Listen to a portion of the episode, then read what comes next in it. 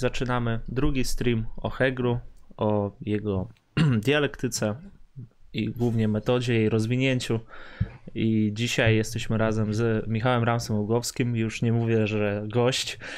No, byliśmy od samego początku razem, tylko e, tak się dziwnie, dziwnie się wyrażam czasami.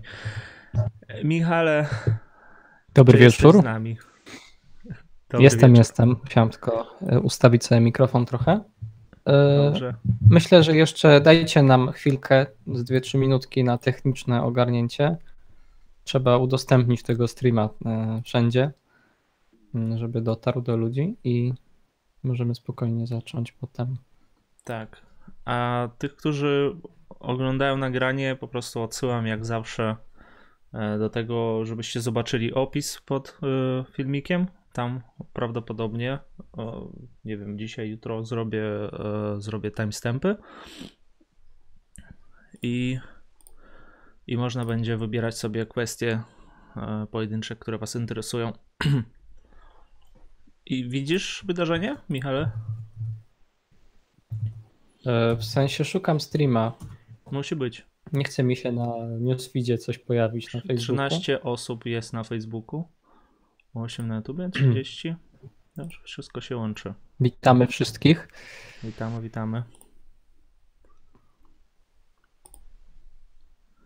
No to powiem tak, że e, jutro, jakbyście chcieli do nas wpaść na streama, to mamy o godzinie 10 e, czytanie Heideggera. Będziemy. Filip, czemu tam jest zdjęcie Bodriara? Oj, faktycznie. Nie zauważyłem. Średnio, średnio dialektyczne. Tak. Też może być. Jakbym wczoraj miał ciut więcej czasu, to bym chętnie pogadał e, z wami o Baudrillarze, w sensie o jego inspiracjach e, e, Batajem, Mhm. bo to jest, to jest Znaczy ciekawa jak rzecz, że się e, ostatnio taka Batajem zajmuje i on od, od, odbił ten dyskurs właśnie w pewnym momencie w Baudrillara i się zrobiło ciekawie. Dobry wieczór. Przez to spóźnienie zjadłem cały popcorn. Cześć, Wol Wolondzie, król, królu. Kłaniam, cześć, witam cieplutko. Grzegorz Bitwa, Tymateusz Schodowski, dobry wieczór. Zięte Klicza, też się kłaniamy. Adrian Wolny, cześć. I jest 50 osób. No to od tego czasu zacznę mówić to, co mówią wszyscy blogerzy i blogerki, dlatego że zauważyłem, że to jest jakoś ważne, e, szczególnie po tym, jak usunęli nam streamy z Facebooka na jakiś czas i ja się ustraszyłem, że już w ogóle e, nie wiadomo, co, co, co będzie dalej. Usunął nam kanał, jeszcze coś usunął. W każdym razie mm, zapraszam wszystkich na YouTube. Link jest pod spodem. Możecie subskrybować, lajkować. E, Teraz e, będziemy e, po prostu popularyzować to, to wszystko, co robimy. Chcemy mieć jakiś odzew, chcemy, żeby nas oglądali ludzie i wtedy będziemy mocniejsi i już nie będzie tak łatwo nas zniszczyć. Za Hegle usuwają. Też słyszałem, że usuwają, ale nie powiem gdzie i w jakim miejscu. U nas za Hegle nie usuwają. Właśnie Filipie, jak zawsze y, poprosiłbym cię o czytanie komentarzy. y, Tak. Bo ja tutaj w sumie nie będę zaglądać na informacje z, z, z Facebooka, bo po prostu Jasne, pewnie by mi się transfer ym, wideo osłabił, nie? rozumiem. No to ja będę czytał jak coś. E, Ja myślę, że możemy zacząć od tego, na czym skończyliśmy. E, Tak Dokładnie. przypominając, o, skończyliśmy na. Właściwie zacząłeś mówić o metodzie, e, powiedziałeś o spekulacji w myśleniu i abstrakcji. I wyszło na to, że spekulacja jest czymś innym. E, Ja bym chciał przypomnieć ten podział. To znaczy, żebyś przypomniał i, i jeszcze Mhm. E, powiedziałeś, w zasadzie zacząłeś mówić o tej metodzie, poka- pokazywałeś na przykładzie takiego trójkątu, jakby jak e, się podmiot, przedmiot łączą między sobą. Tak chyba tam to wyglądało? Jeszcze Tak, teraz... tak, miałeś, miałeś Tak. to wrzucić z tego, co pamiętam. Tak, na- tak, tak. Nie, teraz, teraz to udostępnię. E, Ja myślę, że do tego możemy wrócić. Co jeszcze było? Tak, hmm. możemy od tego zacząć, bo tam żeśmy skończyli, a hmm. przy okazji y, trochę to zawiążemy, żeby to było bardziej zrozumiałe. Czyli włączamy prezentację, czy jeszcze powiesz na tak początek tak jest. może o samym... Znaczy, znaczy włącz prezentację, a ja za ten czas wytłumaczę ten podział. Tak jak zacząłeś właśnie mówić no. Filipie o takich używać pojęć jak abstrakcja, spekulacja. E, ja tylko przypomnę, że w przypadku Hegla e, mamy do czynienia z innym słownikiem, e, bo po pierwsze jest to przełom życie Hegla i twórczość Hegla, to jest przełom XVIII i XIX wieku. To jest po pierwsze, a po drugie już i tak na tle epoki Hegel, e, ale też i całe środowisko e, idealistów niemieckich wyróżniało się pewnym szczególnym żargonem, można to powiedzieć, który dzisiaj szczególnie z perspektywy czasu nabrał, no takiego, no, semantycznie się rozjechał od, od, od znaczenia słów, jakie dzisiaj używamy. I przy okazji powtórzymy, jak szedł ten rozwój Hegla, bo mm, tak jak już mówiłem tydzień temu, pierwszym takim publicystycznym tekstem Hegla, gdzie on zarysowywuje, że jest potrzebna jakaś alternatywna do czystej filozoficznej abstrakcji metoda, e, to jest właśnie Kto myśli abstrakcyjnie. Tekst taki właśnie bardziej publicystyczny, młodego Hegla. E, przypomnę, on był między innymi o tym, że no, ludzi nie można jednowymiarowo postrzegać, że trzeba umieć zrozumieć, że są, że, że sprzeczności, które dostrzegamy, w ludziach, rzeczach, przedmiotach niekoniecznie wynikają z tego, że tam się dzieje coś logicznie niemożliwego, e, tylko po prostu nasz dyskurs jest ograniczony. I dlatego już uprzedzając późniejszą metodę, e, powinniśmy go znieść dialektycznie, wejść na jakiś metapoziom, połączyć te przeciwieństwa, znaleźć dla nich po prostu jakiś dyskurs, w którym będzie można je zrozumieć. Zrozumieć na przykład, dlaczego e, jednocześnie potrafimy mm, tą dominującą cechę złoczyńcy, przywołując ten tekst Hegla, postrzegać, czyli to, że jest, nie wiem, mordercą, e, wyrzutkiem, e, jakimś człowiekiem patologicznym i tak dalej, ale z drugiej strony niektórzy też potrafią się zachwycić tym, że jest przystojny e, albo coś takiego. I tutaj Hegel nazywa takie myślenie, które się skupia tylko na tej jednej cesze, abstrakcyjnym, no od łacińskiego uciekać, oddalać się, E, czyli po prostu filozofia ta e, abstrakcyjna, którą jakby atakuje Hegel, ona zabiera jakiś jeden element wznosi go po prostu na e, poziom pojęcia właśnie abstrakcyjnego, no ale tym samym gubi konkret. I no jest niedialektyczna, bo dialektyczność nam się kojarzy z przeciwieństwami, z balansowaniem. Tutaj tym balansowaniem byłoby właśnie przedmiot, a podmiot teoretyzujący i tak dalej. To jest abstrakcja. Natomiast y, Ogólnie mm, e, jeszcze właśnie gwoli przypomnienia, Hegel zapożycza od Kanta ten podział na e, rozsądek i rozum, przy czym rozum jest dla niego w hierarchii wyżej, bo rozsądek to jest po prostu zdrowy rozsądek, myślenie takie potoczne, e, które też rozsądza, rozdziela, właśnie szufladkuje, abstrahuje w oparciu o takie kategorie, które są nam ad hoc dane, które które są e, bezkrytycznie często przyjęte, natomiast rozum to jest coś, co się wznosi nieco wyżej. Dla Hegla rozum powinien być dialektyczny. E, rozsądek to był Verstand, a rozum to Vernuft. Vernuft. I teraz w rozumie Hegel dwie metody myślenia, czyli jakby dwie strony rozsądku pokazuje. Negatywną, tę, która nas dzisiaj będzie interesować najbardziej, czyli dialektykę, która właśnie wykazując te sprzeczności i ograniczenia przyswojonych przez nas dyskursów, metod i tak dalej, robi miejsce na pozytywną, czyli tą drugą stronę myślenia, spekulację. Spekulacja to jest po prostu uprawianie filozofii na tych czystych pojęciach, e, no przy czym do tego jakby już nie będziemy wracać, bo to są te najbardziej idealistyczne mm, sfery heglowskiej filozofii, a dzisiaj, jak się uda czasowo i wyczerpiemy w miarę ten temat metody heglowskiej, czy w ogóle dialektyka jest metodą, też trzeba się zapytać, to bym chciał powiedzieć właśnie, co potem z dialektyką zrobili na przykład właśnie Adorno, Bataille, Debord, Marx, nie wiem, Cieszkowski i tak dalej, wszyscy różni interpretatorzy Hegla. Nawet jeśli mielibyśmy tylko po prostu wymienić ich nazwiska, to yy, mam nadzieję, że E, słuchacze, widzowie wyłapią jakieś wątki gdzie ta myśl potem e, ewoluowała. Także to tyle słowem wstępu. Dobrze, to ja myślę, że e, jak są jakieś pytania, to możecie zadawać. Natomiast tutaj nam piszą na, na Twitchu. Nie wiem dlaczego po angielsku. Dobrze. E, możemy przejść do, do tej metody dialektycznej. E, a natomiast jeszcze takie pytanie, czy, czy no teraz, aha, dobra, włączyłem ten obrazek, który był ostatnio. E, może będę jakby na nim się opierał, może parę pytań ci jeszcze zadam jakieś związane z nim. Mhm. No to jak tłumaczyłeś, tutaj podmiot i przedmiot E, między sobą mm, właśnie znajdują się w jakiejś takiej relacji, że się łączą e, jako sprzeczności i zachowują się jednocześnie i coś więcej stanowią. Natomiast nie do końca, nie, tak? nie do końca. W sensie no tutaj trzeba uważać, mhm. E, żeby nie popaść w jakiś um, uproszczenie. Gnostyczny, mistycki bełkot, mhm.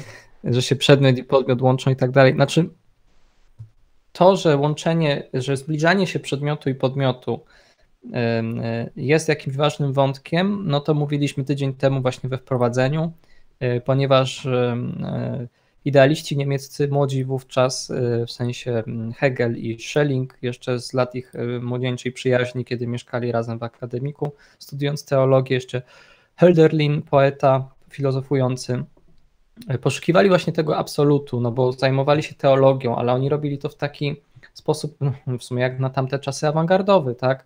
Sięgając po mm, egzotyczną dla teologii, przynajmniej tak jak ją widzimy dzisiaj, mm, filozofię, w sensie egzotyczne nurty filozofii, metody.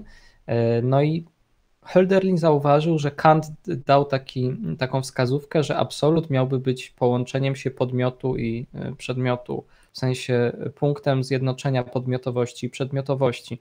I rzeczywiście ostatecznie ten absolut mógłby do czegoś takiego dążyć, jeśli rozumiemy dialektykę jako coraz bardziej skrupulatne i wydajne poznawczo nadążanie podmiotu za przedmiotem poznania, aż do momentu, e, kiedy podmiot w wiedzy absolutnej, wręcz mityczne już heglowskie pojęcie, będzie w stanie objąć absolutnie całą wiedzę o przedmiotach i nadążać tą myślą, będzie miał to czyste pojęcie, które jest czystym życiem przedmiotu w podmiocie, więc dojdziemy w ten sposób do absolutu.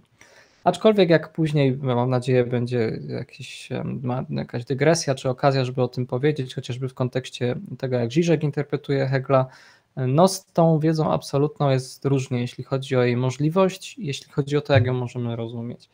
No i to, co czym powiedziałem, dobrze ilustruje, mm, pozwoliłem sobie to tak zilustrować trochę intuicyjnie, ten trójkąt.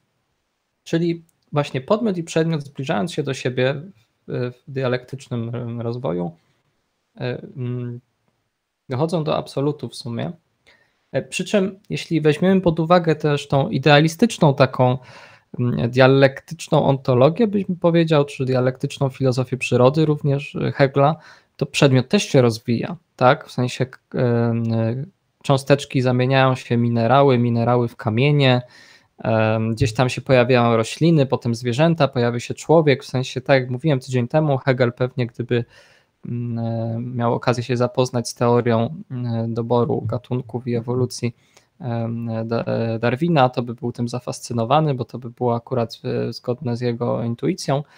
Mm, więc on zauważa, że nie tylko człowiek przez historię filozofii, przez rozwój myśli, e, przez dialektyczny rozwój e, po prostu dyskursów poznania się rozwija, ale również przyroda się rozwija, ponieważ od kamienia do człowieka absolut, z którego się wszystko zrodziło, zaczyna wytwarzać takie formy, które są samoświadome i są w stanie odwrócić się do tyłu i zobaczyć, stanąć twarzą w twarz z absolutem. W sensie to coś, co mm, czym jest dla Hegla rozwój dialektyczny świata, to jest pokonywanie alienacji.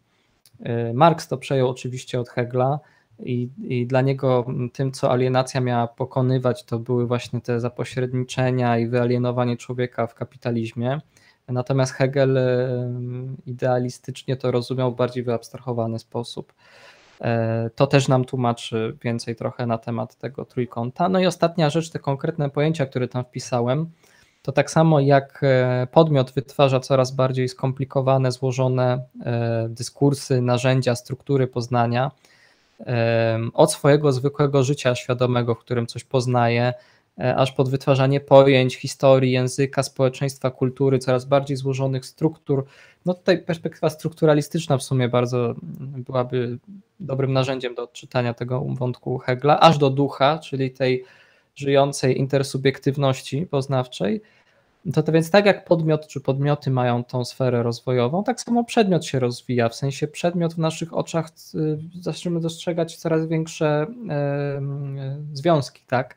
Nie, że jaka sobie jedna rzecz jest i ma takie a takie cechy, e, ale zaczynamy też dostrzegać związki, relacje, to, że rzeczy mają historię, mają też jakąś potencjalną przyszłość i tak dalej.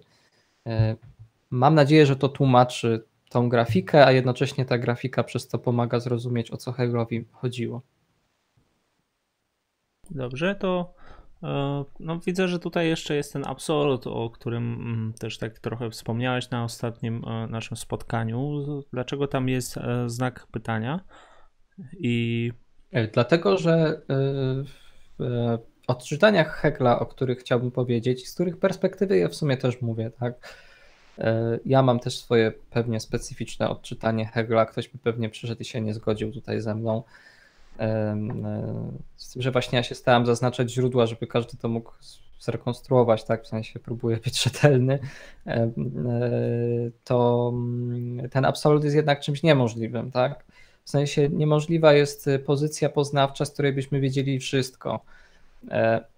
Zresztą mm, tak rozumiany w ten sposób absolut, to też by trochę nie grało jednak, mm, dlatego to jest taka fishy kwestia, gdzie trzeba postawić pytajnik i się zastanowić, to by nie grało trochę z rozumieniem Hegla, e, bo też jest pytanie, czy Hegel był rzeczywiście takim, takim holistą, w sensie dążącym do, do takiego stanowiska, czy on rzeczywiście uznawał, że to jest możliwe? No niekoniecznie. Są takie interpretacje Hegla, E, które pokazują, jak na przykład ta Ziszkowska, że wiedza absolutna tak naprawdę polega na zdaniu sobie sprawy z falibilistycznej, czyli mm, e, takiej, dla której błąd jest nieodzownym elementem poznania, perspektywy człowieka właśnie, tak. W momencie, kiedy ja sobie zdałem sprawę, jakie jest moje miejsce w, w poznaniu, w świecie, w jaki sposób ja sam sobie zakrzywiam poznanie e, rzeczywistości, w jaki sposób mnie język zapośrednicza i tak dalej, E, zdanie sobie sprawy z tego to jest e, właśnie wiedza absolutna,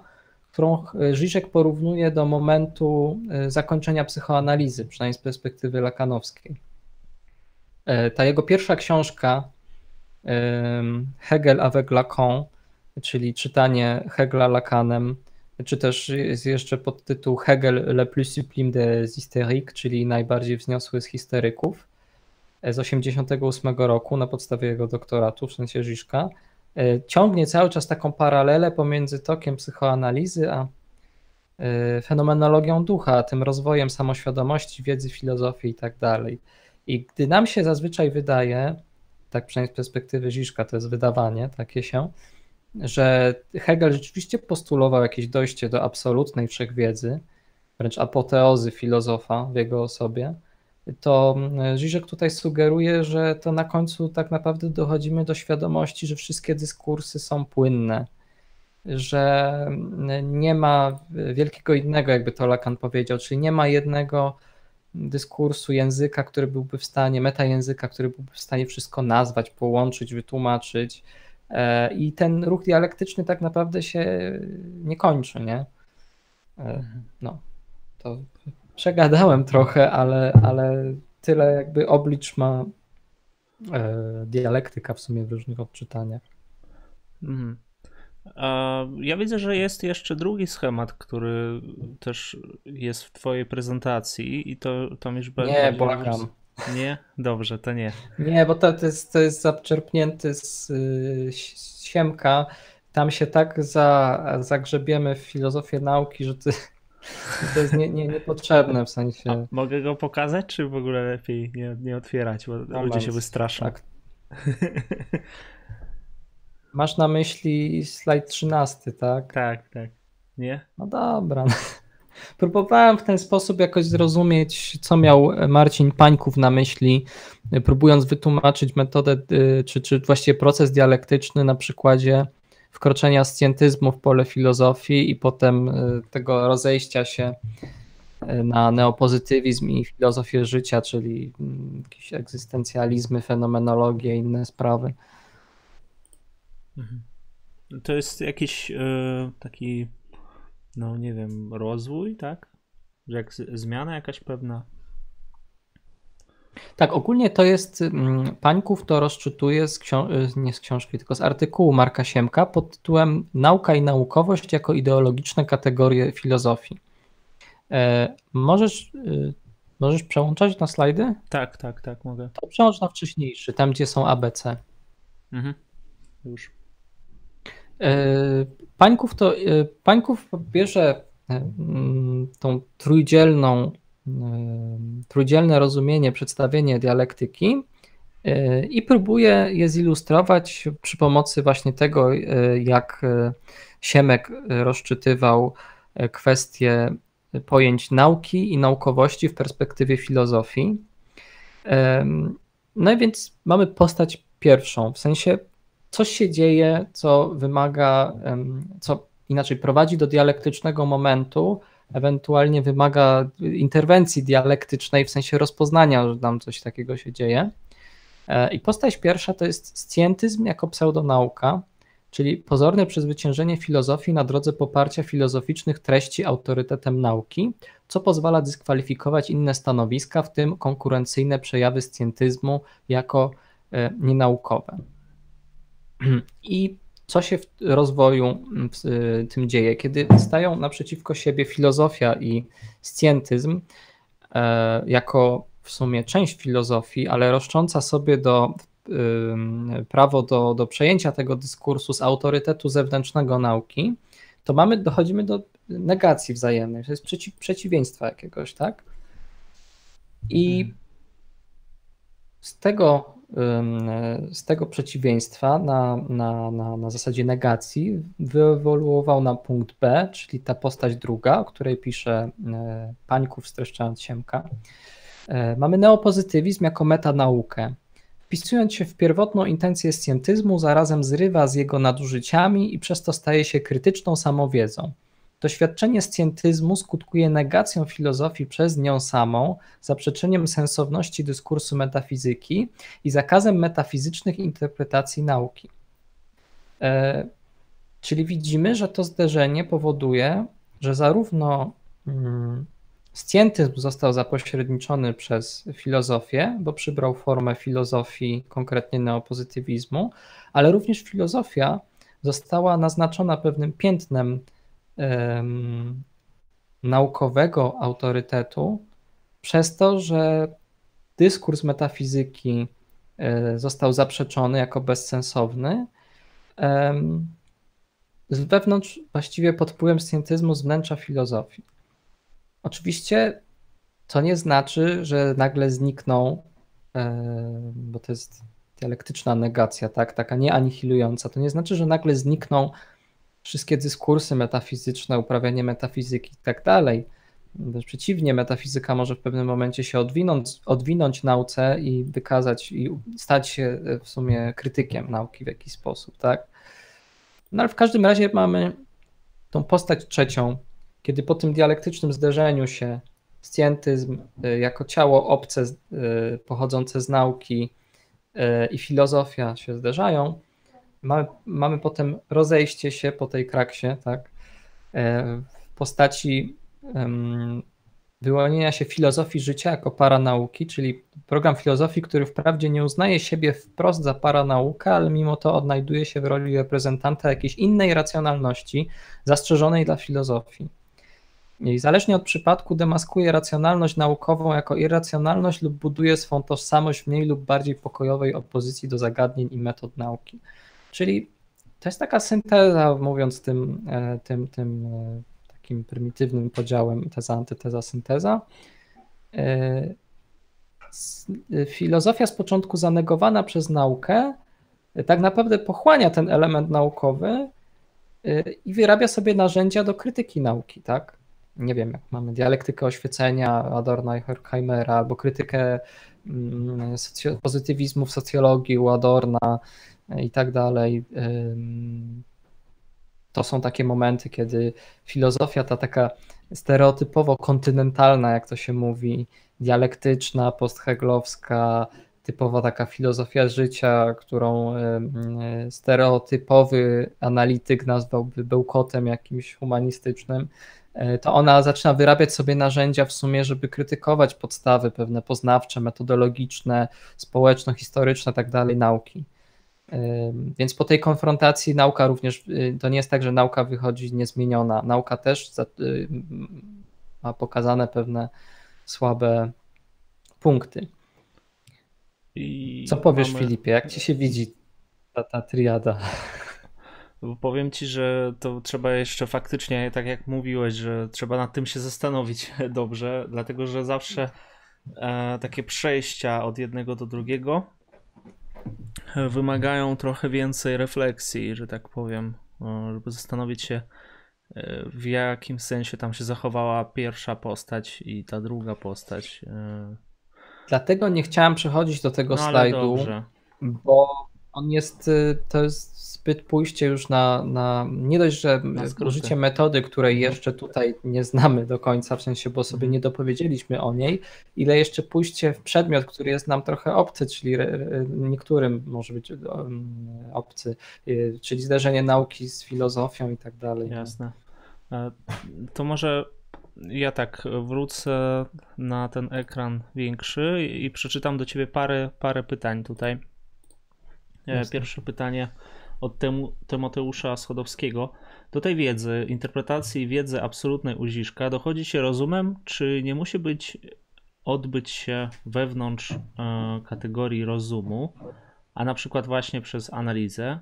E, jak jeśli przez analizę? I, i, I tam jeszcze jest drugie pytanie, kto więcej wniósł e, do epistemologii Hegel czy Schopenhauer, ale to to, to, to później może. Na... No jak, jak chcesz, nie wiem, pierwsze albo drugie tutaj Oziszka, albo kto więcej wniósł Hegel czy no, Schopenhauer. Powiedział o tym, o tym Schopenhauerze, znaczy ja powtarzam tak jak tydzień temu też, tak. bo ludzie lubią zestawiać Hegla i Schopenhauera. Szczerze mówiąc, zajmując się Heglem, nigdy jakoś nie spotkałem, może oprócz tych, tych końcowych uwag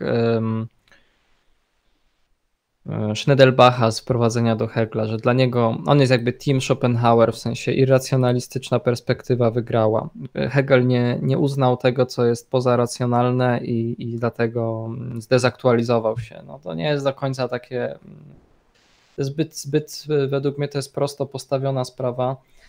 E, I wtedy też powiedziałam, że niekoniecznie się znam na mm, Schopenhauerze, więc się nie chcę wypowiadać, aczkolwiek znaczy, dobra, przemawia przeze mnie heglocentryzm, ale mam wrażenie, że Hegel większe jednak stworzył, większy dał wkład do epistemologii. E, nawet jeśli nie bezpośrednio, to przecież filozofowie inspirujący się dialektyką Hegla e, wskazywali mm, na e, uwarunkowania epistemologii, ale takie inne niż nimi się interesuje, na przykład kognitywistyka i tak dalej, w sensie uwarunkowania poznania, o to mi chodziło. Mhm. No bo przecież z dialektycznego nurtu filozofii wypływają różne myśli, różni filozofowie wskazujący na społeczne e, źródła na przykład ograniczeń poznania. No i przecież Hegel e, mówi nam o takich rzeczach, nie? Mamy zasady filozofii prawa i to jest filozofia polityczna, filozofia społeczna, nawet filozofia prawa. Wiem, że na niektórych wydziałach prawa w Polsce się czyta Hegla fragmenty tej książki. No ale przecież tam mamy tezę o tym, że każdy jest dzieckiem swoich czasów, tak, że filozofia nie może przepowiadać przyszłości, w sensie sowa, Minerwy i tak dalej, zlatuje dopiero wraz z zapadającym zmierzchem. To są przecież tezy e, epistemologiczne, tak? Jak Hegel pokazuje nam fenomenologii ducha, ten rozwój od e, subiektywności do zobiektywizowania, czyli dzisiaj byśmy powiedzieli nabywanie dyskursów, języka i, i, i tak dalej, to też jest w sumie Coś, co Marek Siemek nazywał, jak on to nazywał? Społeczna ontologia, przepraszam, społeczna epistemologia, mhm. czyli społeczne warunki poznania, historyczne warunki poznania. Więc nie wiem, jak jest u Schopenhauera z epistemologią, no ale u Hegla to jest taki wkład, wydaje mi się, że dosyć duży, tak? No tak. Specyficzny przynajmniej. Tak, tak, tak. Yy, I powiedzmy, że, że przecież Hegel zostawił od razu po sobie tyle uczniów i w ogóle no tutaj ja myślę, że to jest dość oczywiste. Natomiast Schopenhauer trochę później jakby nabrał znów swo, jakby swoją pozycję taką w filozofii. Yy, tutaj jeszcze jest pytanie. Do tej jeszcze wiedzy, to wcześniejsze to, było. Tak, właśnie to. Ja no. mogę ci jeszcze raz go przeczytać. Do tej wiedzy. Poprosiłbym cię bardzo. Do tej wiedzy interpretacji e, wiedzy absolutnej Uziszka dochodzi się rozumem, czy nie musi być odbyć się e, wewnątrz kategorii rozumu, a na przykład właśnie przez analizę. Jak jeśli przez analizę? E, w psychoanalizie lakanowskiej to jest układ binarny, w sensie to jest analityk, psychoanalityk i analizant. Analizant mm, dlatego, że to jest strona czynna, w sensie to on dokonuje tak naprawdę analizy, e, wyciąga z siebie pewne elementy, psychoanalityk tylko przy tym asystuje i go nakierowywuje. Dlatego takiego słowa się używa i na to się raczej w dyskursie lakanowskim kładzie nacisk, żeby nie mówić pacjent albo, więc nie daj Boże, klient. I celem takim, wiem, że zaraz to zabrzmi mistycznie, ale na przykład ci, którzy mieli z nami czytania Żiżka, to, to, to, to jest jakby nic e, pewnie dla nich obcego i strasznego. Celem jest tego, tej psychoanalizy to, żeby pacjent, znaczy pacjent, już miałem powiedzieć pacjent, analizant dotknął realnego. No i teraz trzeba wprowadzić e, e, ontologię, tą trójkątną. Znowu mamy trójkątny podział Lakana, ontologię podmiotową, w sensie tego, jak podmiot postrzega i plasuje się w rzeczywistości. No u Lakana mamy trzy porządki. Wyobrażeniowy, czyli wewnętrzne jakieś obrazy ego, Mm, fantazmaty i tak dalej, to co jest w sumie stricte subiektywne i stricte mm, libidinalne, libidalne, przepraszam, chociaż nie tak do końca stricte subiektywne, bo jakieś obrazy siebie i tak dalej możemy zapożyczać z dyskursów, z porządku symbolicznego, tego następnego, tak? W sensie, nie wiem, byłem mały, zobaczyłem w telewizji strażaka i, i teraz moje moja e, tożsamość, e, moje wyobrażenie ego, e, przynajmniej dziecięce, będzie się kręcić wokół właśnie obrazu strażaka, tylko zinternalizowanego. To jest porządek wyobrażeniowy. Potem mamy porządek symboliczny, no czyli to, co strukturaliści lubią najbardziej, czyli siatki znaczących, języki, dyskursy, mm, to, co nazywamy obiektywnym, to, co nazywamy też rzeczywistością, ale Lacan jeszcze odróżnia od rzeczywistości realność, czyli to jest zbiór większy od rzeczywistości, którym rzeczywistość się zawiera, ale poza rzeczywistością tą językową, poza konstruktami, poza dyskursami i tak dalej, mamy jeszcze pewne realne elementy, pewne niemożliwości, których język nie potrafi dotknąć, których nie potrafi do końca wyrazić. E, I na przykład nieświadome czy jakieś libidinalne obsadzenie naszego języka jest takim realnym, bo ono tkwi ukryte gdzieś w formie, w tym jak dobieramy słowa, przejęzyczenia, co się nam śni i tak dalej. E, ale jednocześnie nie umiemy tego nazwać, bo każde wylanie słów na to, to jest karmienie po prostu dalej symptomu e, analizanta. E, I teraz w psychoanalizie po to był ten cały wywód o Lakanie, chodzi o to, żeby dotknąć właśnie tego realnego, czyli tych pozajęzykowych uwarunkowań e, naszego poznania właśnie, tu byśmy mogli powiedzieć, naszego zachowania też. E, jest jakaś może trauma, której nie potrafimy nazwać, którą omijamy każdym elementem naszej mowy. Yy, I to ją trzeba rozpoznać. Jest może jakaś struktura, która gdzieś nieświadomie nadaje kształt naszej komunikacji, naszemu postrzeganiu świata. Yy, I to też do tego trzeba dostrzec. I wtedy, kiedy analizant poczuje, rzeczywiście go uderzy, że tu jest coś w moim rozumowaniu, co jest pozadyskursywne, irracjonalne i tak dalej, no to zaczyna rozumieć warunki swojego poznania. Ja teraz ubieram w język filozoficzny psychoanalizę i z tą perspektywą Żiszka też psychoanalicy się nie zgadzają, tak? No bo oddanie e, w sumie procesu analitycznego w, w, w, służbie filozofii to jest poświęcenie jej dla kolejnego mistrza, dla kolejnego symptomatycznego dyskursu, bo e, według Lacana filozofia jest symptomatyczna, bo cały czas ma roszczenia do całości, do absolutu i tak dalej. E, przy czym jednak pod koniec życia Lacan stwierdził, że w sumie no, jako psychoanalitycy i tak nie umiemy nic innego robić, tylko filozofować. Ewentualnie możemy robić antyfilozofię, czyli filozofię uczuloną jakby o te spostrzeżenia, wyczuloną na te spostrzeżenia psychoanalizy. No ale w każdym razie Żyżek jest takim antyfilozofem w tej perspektywie trochę. To znaczy, że on wskazuje, tu Lacan nam daje, chociażby też przez krytykę Hegla, bo to Lacan sam się odwoływał do Hegla, nie potrzebował Żiszka do tego pośmiertnie, żeby połączyć te, te, te dwa światy. No i pokazuje nam Żyżek, że tu Lacan nam pokazuje, podmiot jest uwikłany w poznanie, mamy pewne ograniczenia, język nigdy nie osiągnie realnego, nie opisze wszystkiego, są jakieś pewne formy, które nas ograniczają e, i tak dalej, i tak dalej. I w sumie y, psychoanaliza jest takim rodzajem fenomenologii ducha.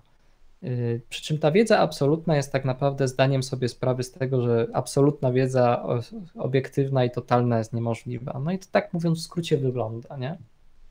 Przy czym dla porządku jednak ja bym to oddzielał linią grubą pomiędzy funkcjonującymi dzisiaj na co dzień normalnie wszędzie, również w Polsce, praktykami psychoanalitycznymi, stricte terapeutycznymi, lakanowskimi, a tym, co filozofowie robią z tą, z tą, z tą aparaturą, tak? Nie wiem, czy to jest wystarczająco przegadana odpowiedź. No to, to Mateusz możesz napisać, czy jest wystarczająco przegadana. Ja myślę, że, że dużo zahaczyłeś tutaj Olakana, to było. E, mam nadzieję, że tam reszta e, nie ten, e, nie, nie zanudziła się w, w tym momencie, dlatego że no, tematem jest jednak Hegel, natomiast Lacan niektórym może utrudniać tą perspektywę interpretacji. Do mnie na przykład znajomy dzisiaj napisał w ogóle, co Lacan myśli o języku, muszę dopasować to do swojej pracy. Ja, ja sobie myślę, czy można powiedzieć, że język determinuje świadomość? No. No nie do końca, bo właśnie zawsze są te ślady realnego, gdzie język wysiada i jest coś specyficznego dla podmiotu, jego sposób przeżywania rozkoszy, tego jouissance lakanowskiego i to wystrzeliwuje jakieś dziury w języku, tak, w postaci jakichś symptomów, jakichś przejęzyczeń i tak dalej. No ale nie przyszliśmy tu mówić o lakanie, tak, reasumując. Tak, tak. E, dobrze, ja tylko ja... zaznaczę no. dla ciekawych, w sensie spojrzenie z perspektywy bardziej heglowskiej na Lakana niż odwrotnie. Jest taki fajny artykuł niedokończony, e, przetłumaczony na polski Fryderyka Jamesona Lakan i dialektyka. On gdzieś fruwa w internecie, jest dostępny w jakiejś z tych, albo w Bashumie, albo w innej bazie tekstów darmowej. Także jak ktoś jest bardzo zainteresowany tym, to polecam. E, no i też w niektórych swoich tekstach Lakan się odwołuje do Hegla, mm, ale to już no, tylko tak mogę zasygnalizować, że rzeczywiście coś jest na rzeczy i to przed Żyżkiem miało miejsce jak najbardziej. Dobrze. Y, Tymoteusz Schodowski zostawił nam trzy komentarze. Ja tak przeczytam, nie wiem czy to są pytania raczej? Chyba nie. E, inaczej, Hegel poprzez pracę w obrębie rozumu liczy na pewną wiedzę filozoficzną, a Ziziek mówi, że jego hegelowski absolut to sytuacja, w której podmiot akceptuje swoje rozfragmentowanie. Nie, nieodparcie, E, nieprzezwyciężanie, niewystarczający charakter języka w kontekście samozapośredniczenia poznającego filozoficznie podmiotu w świecie. w kategoriach poza konkretem, poza osobą analizowanego. Chodzi mi o to rozróżnienie samowiedza versus rozum. Hmm. Znaczy, okej, okay, zgadzam się z tymi wątkami, które tam w tym komentarzu były zaznaczone, ale y, chodzi o rozróżnienie między samowiedzą a rozumem. Mhm. Nie wiem, w sensie, czy ktoś zestawiał aż tak te, te, te, mm, te kategorie, bo przecież y, rozum jest narzędziem w sumie człowieka, którego prowadzi ku samowiedzy, tak? Mm, jeśli Hegel zaznacza, że dialektyka jest wręcz prawidłem rządzącym rzeczywistością, jej historycznym rozwojem, y, a rozum ma być dialektyczny, to znaczy, że wtedy dosiągamy taki poziom, że wchodzimy na po prostu w kolejny, wpadamy już gotowe, ontologicznie ufundowane dialektyki i jesteśmy na prostej drodze do absolutu, ale tym samym i do samowiedzy, tak? do samopoznania, skoro w sensie my jesteśmy, my dokonujemy w ten sposób samowiedzy siebie, nabywając coraz więcej wiedzy na temat nas samych, naszych związków ze światem, y, również dowiadując się coś o świecie, y, dowiadujemy się chcąc, nie chcąc o nas samych, nie próbując nawet uzyskiwać samowiedzy, ale tak samo samowiedzy dokonuje absolut przez nasze poznanie się, tak? My jesteśmy dziećmi w cudzysłowie absolutu, więc jeśli uprawiamy filozofię i się dowiadujemy więcej, to i absolut się dowiaduje więcej o sobie i przezwycięża swoje wyalienowanie w konkretnych jakichś bytach, nie? Czy, czy raczej byciach tutaj to design byłoby e, jednak bardziej na miejscu. Mhm. Dobrze. A czy my jakoś idziemy dalej e, zgodnie z e, prezentacją? Nie, myślę, że prezentację możemy już mhm. znieść. Wow. Aufhebungen. Dalsze losy dialektyki to, to ciekawy też slajd był, dobrze. E, ja o tym zaraz do tego dojdziemy, będę o tym Aha. mówić, ale prezentacja mi tu nie jest potrzebna. Jasne, e, jasne. Bardziej mam ją otwartą u siebie jako rodzaj notatek. Mhm. Mm. Okej. Okay. To może wyczerpmy ten, jeśli nie ma jakichś pytań, to wyczerpmy ten, spróbujmy wyczerpać tę kwestię dialektyki. Bo, ty, ty Mateusz nie, tylko napisał dziękuję. Tak, tak, tak już nie przeszkadzam. Dobra.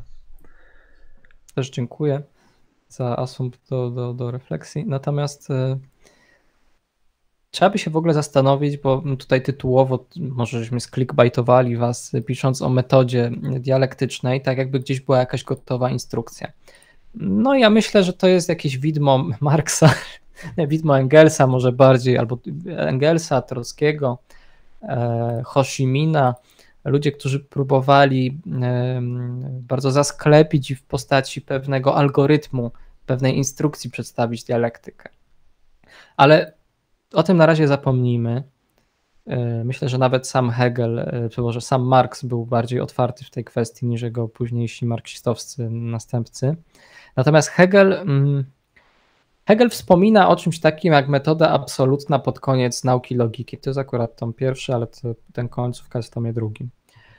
Um, I on pisze właśnie o tym, że ta metoda to jest to po prostu myślowe podążanie za tym y, ruchem negatywności, ruchem pojęcia, tym, że pojęcie dąży do tego, żeby jako przejaw właśnie absolutu, żeby się w duchu absolutnym jak najbardziej odalienować od tej rzeczywistości, czyli jak najwięcej poznać warunków własnego poznania, też poznać rzeczywistości, swoje miejsce w świecie poznać, mówiąc krótko.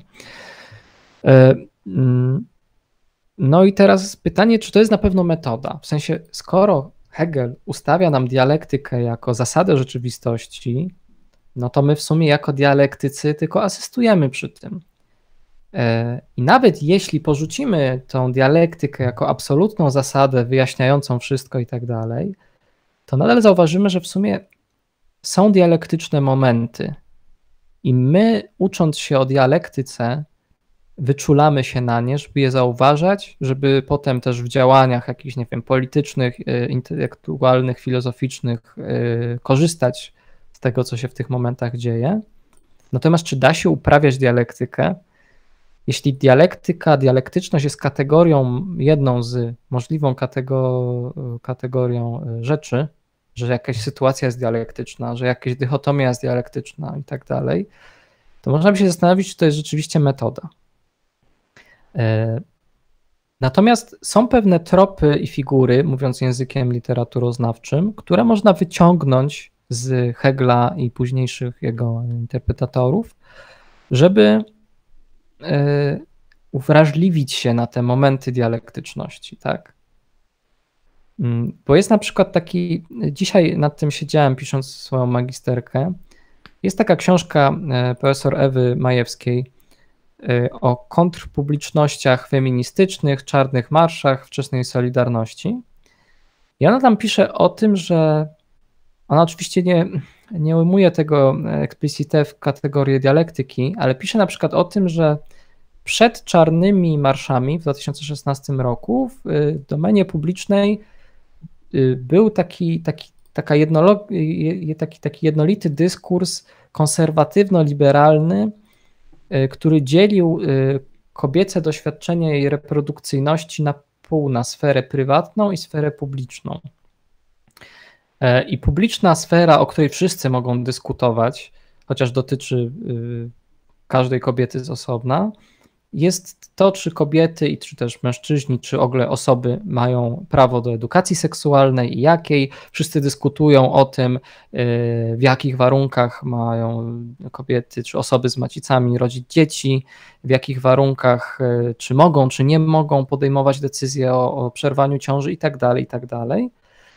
Natomiast y, mamy też sferę prywatną, czyli to, jak się przeżywa cykl menstruacyjny, E, osobiste, wewnętrzne jakieś doznania związane z, z na przykład traumą poporodową, czy też poporonną i tak dalej. To są rzeczy, które przecież się łączą już jako dialektycy początkujący.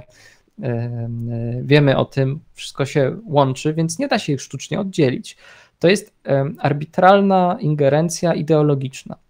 I teraz, cóż dialektycznego zrobiły feministki w 2016 roku?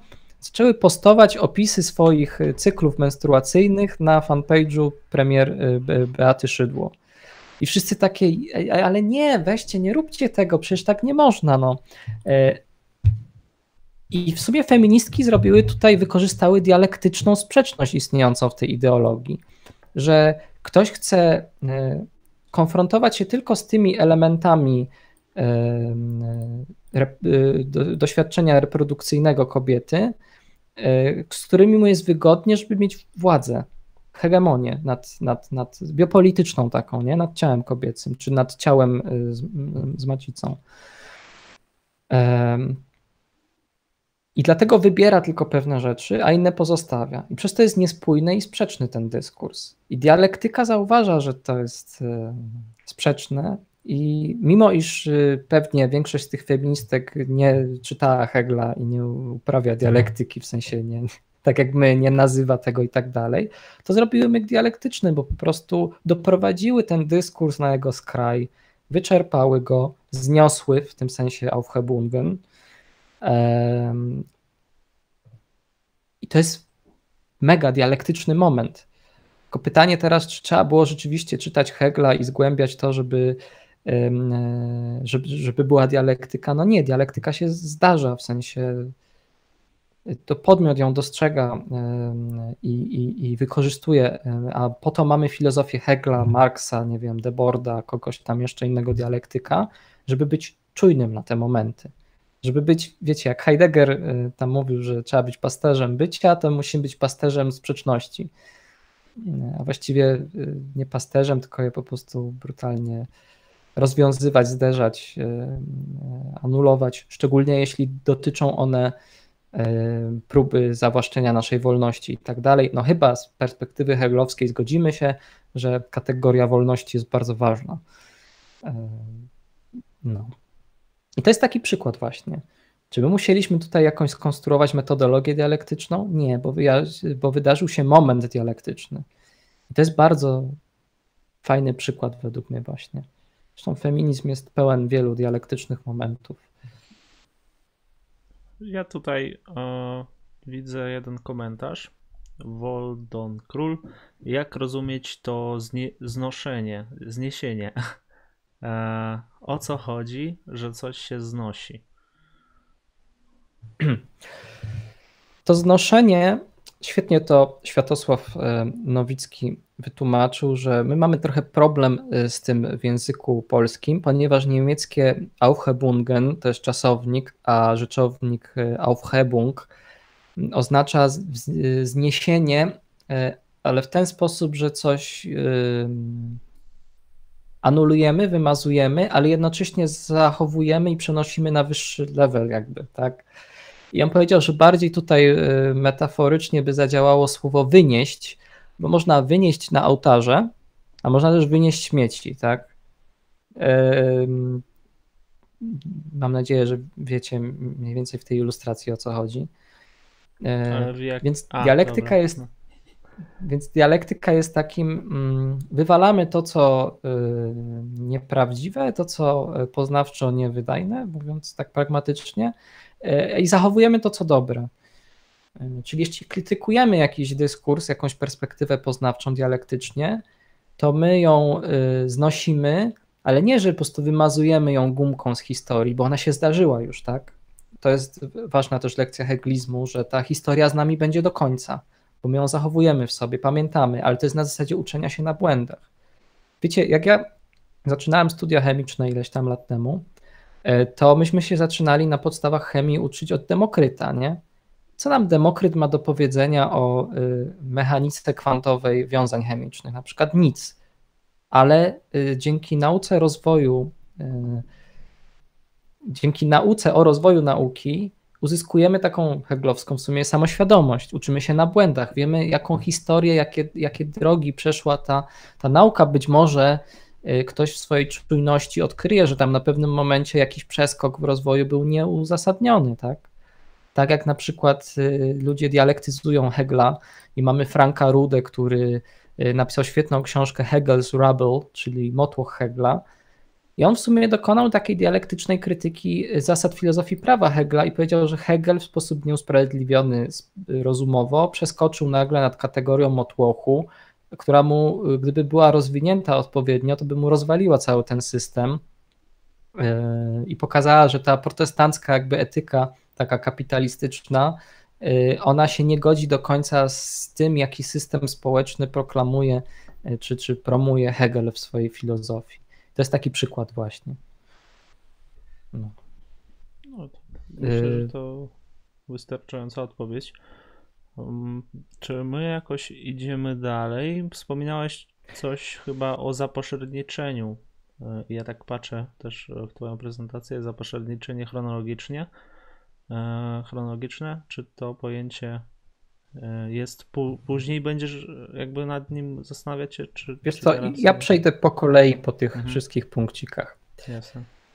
Więc y, na początku y, zauważyliśmy chronologicznie też patrząc na bibliografię Hegla, że, na, że dialektyczne jest krytykowanie abstrakcji, w sensie nie do pomyślenia jest, żebyśmy się zatrzymali na takiej spekulatywnej, ale w swojej spekulatywności nieuzasadnionej, bezkrytycznej filozofii, która po prostu skupia się wybiórczo na jakichś elementach rzeczywistości i tworzy wokół nich jakiś dyskurs, który no jak to dyskurs oderwany od rzeczywistości, to też z perspektywy lakanowskiej, psychoanalitycznej można powiedzieć, więcej mówi o jego autorze niż o tym y, przedmiocie, o którym autor pisze. Nie? Więc dialektyka jako takie właśnie ciągłe zderzanie się przeciwieństw, to jest też ciągłe nadążanie za konkretem, tak? Nauki społeczne z tym, y, na to powinny być wyczulone. I y, Adorno o tym wiele ciekawych tekstów napisał, właśnie w jaki sposób socjologia konstruuje sobie przedmioty swojego poznania, zanim jeszcze je dobrze poznam, tak? W sensie nauki często szukają gotowych odpowiedzi na, na tezę, którą już mają schowaną w zanadrzu, tylko trzeba dobrać, wiecie, rzeczywistość zakrzywić odpowiednio, żeby się potwierdziło. Ja, ja nie twierdzę, że to jest celowy zabieg jakichś tam naukowców. Są szarlatani, wiadomo, i oszuści, tylko po prostu Adorno zauważa, że w pewnych momentach y, naukowy dyskurs jest predysponowany ku temu, tak? Zdeterminowany jest ku, ku temu. Więc trzeba uważać, jakie jakich kategoriach opisujemy, szczególnie właśnie w naukach społecznych, rzeczywistość. Mhm. To jest pierwsza lekcja z Hegla, że tak powiem. Druga lekcja z Hegla to jest to rozumienie pojęcia, czyli tego, w jaki sposób Begriff, Begriffen pochwytujemy um, rzeczywistość i jej elementy. Ona jest żywą substancją, jest ruchem, jest. Hegel pisze o tym, że pojęcie trzeba rozumieć jako e, substancję, ale i też podmiot. To znaczy, że w momencie, kiedy e, my tworzymy sobie w głowie jakąś reprezentację rzeczywistości, ona żyje wewnątrz nas tak jak i my. Wiecie, słowa mają swoją historię, rozwijają się, zmieniają konteksty. My też mamy i tutaj ukłon w stronę irracjonalności czy, czy, czy libidalności, my też mamy jakieś uwarunkowania emocjonalne, że takie wolimy obrazy rzeczywistości, a nie inne. Więc musimy zrozumieć i pogodzić się z tym, że tak samo jak żyją i zmieniają się i uciekają nam, nam czasami, e, niczym, nie wiem, jakiś śliski węgorz, e, przedmioty e, poznania, tak samo pojęcia, które tych przedmiotów tworzymy, też są żywe i się zmieniają. Tak? O to głównie chodzi Heglowi w, w tym takim wręcz um, spersonifikowanym obrazie ducha czy pojęcia. Dobrze. Ja myślę, że no, nie wiem, czy to jest pytanie, może za wcześnie go zadam. E, jak to wszystko połączyć, o czym tutaj mówimy? Na przykład zniesienie, a pojęcia. E, pojęcia też się znoszą, to jest do nich e, zastosow... można się zastosować tą kategorię zniesienia do pojęcia, czy ten koncept? No to, jest, to jest bardzo proste, jak na przykładzie tych czarnych protestów i tak dalej liberalno-konserwatywne status quo dotyczące, dotyczące życia reprodukcyjnego osób z macicami okazało się być pojęciem, czy zbiorem pojęć, dyskursem, ja mówię skrótowo, który nie, nie jest adekwatny do rzeczywistości. Nie jest też adekwatny do dążeń pojedynczych jednostek, więc jakby narusza ich tam wolność, podmiotowość, samodzielność i tak dalej. No i dlatego go właśnie znosimy, bo jest mhm. kiepski, bo jest niewydajny, bo jest, nie wiem, krzywdzący i tak dalej. To jest nasza motywacja mm, tego postępu, progresu dialektycznego, tak? Tylko to nie jest postęp, który mm, rozumiany w sensie oświeceniowym, tylko to jest postęp w sensie, że skoro rzeczywistość postępuje, bo wszystko się zmienia, to my też postępujemy za nią, tak? Jasne. No pytań, e, pytań nie mamy jak na razie. E, myślę, że można Dobra, przejść dalej. Lecimy dalej. Y, mam zapisany kolejny trop, to jest falibilizm. W sensie, jeśli mielibyśmy stanowisko Hegla y, y, w perspektywie filozofii nauki określić, no to on by stwierdził, że model nauki najlepszy to jest falibilistyczny, bo tylko po, po, po błędach, w sensie inaczej, błędy są nieodzowną stroną, nieodzownymi elementami naszego poznania i, i właśnie tworzenia nauki. Y, tak jak ten przykład, który podałem, że na chemii na, na pierwszym roku się tam wspomina na pierwszych wykładach o demokrycie, po to, żeby dwa lata później już jechać ostro z chemią kwantową, najbardziej aktualną i tak dalej. Nie? Trzeba pamiętać o tych błędach, uczyć się na tych błędach. To też jest jedna z ważniejszych lekcji dialektyki hegelowskiej. No ale to chyba można wywieźć już z tych wszystkich rzeczy, które powiedzieliśmy. Tak, spokojnie. E, to było też na pierwszym, na pierwszym naszym spotkaniu. Ktoś tam napisał, że to jest bardzo podobne do e, Tomasa Kuna, do jego rewolucji. Jak to było? No, do tych rewolucji naukowych, do paradygmatów. Ja tak mu tam przypomniało. Tak, dokładnie. W sensie te następujące po sobie fazy dialektyczne, jeśli byśmy chcieli stworzyć jakąś dialektykę, czy to rozgałęzioną, czy linearną nauki, to są właśnie takie następujące po sobie zniesienia. Tak?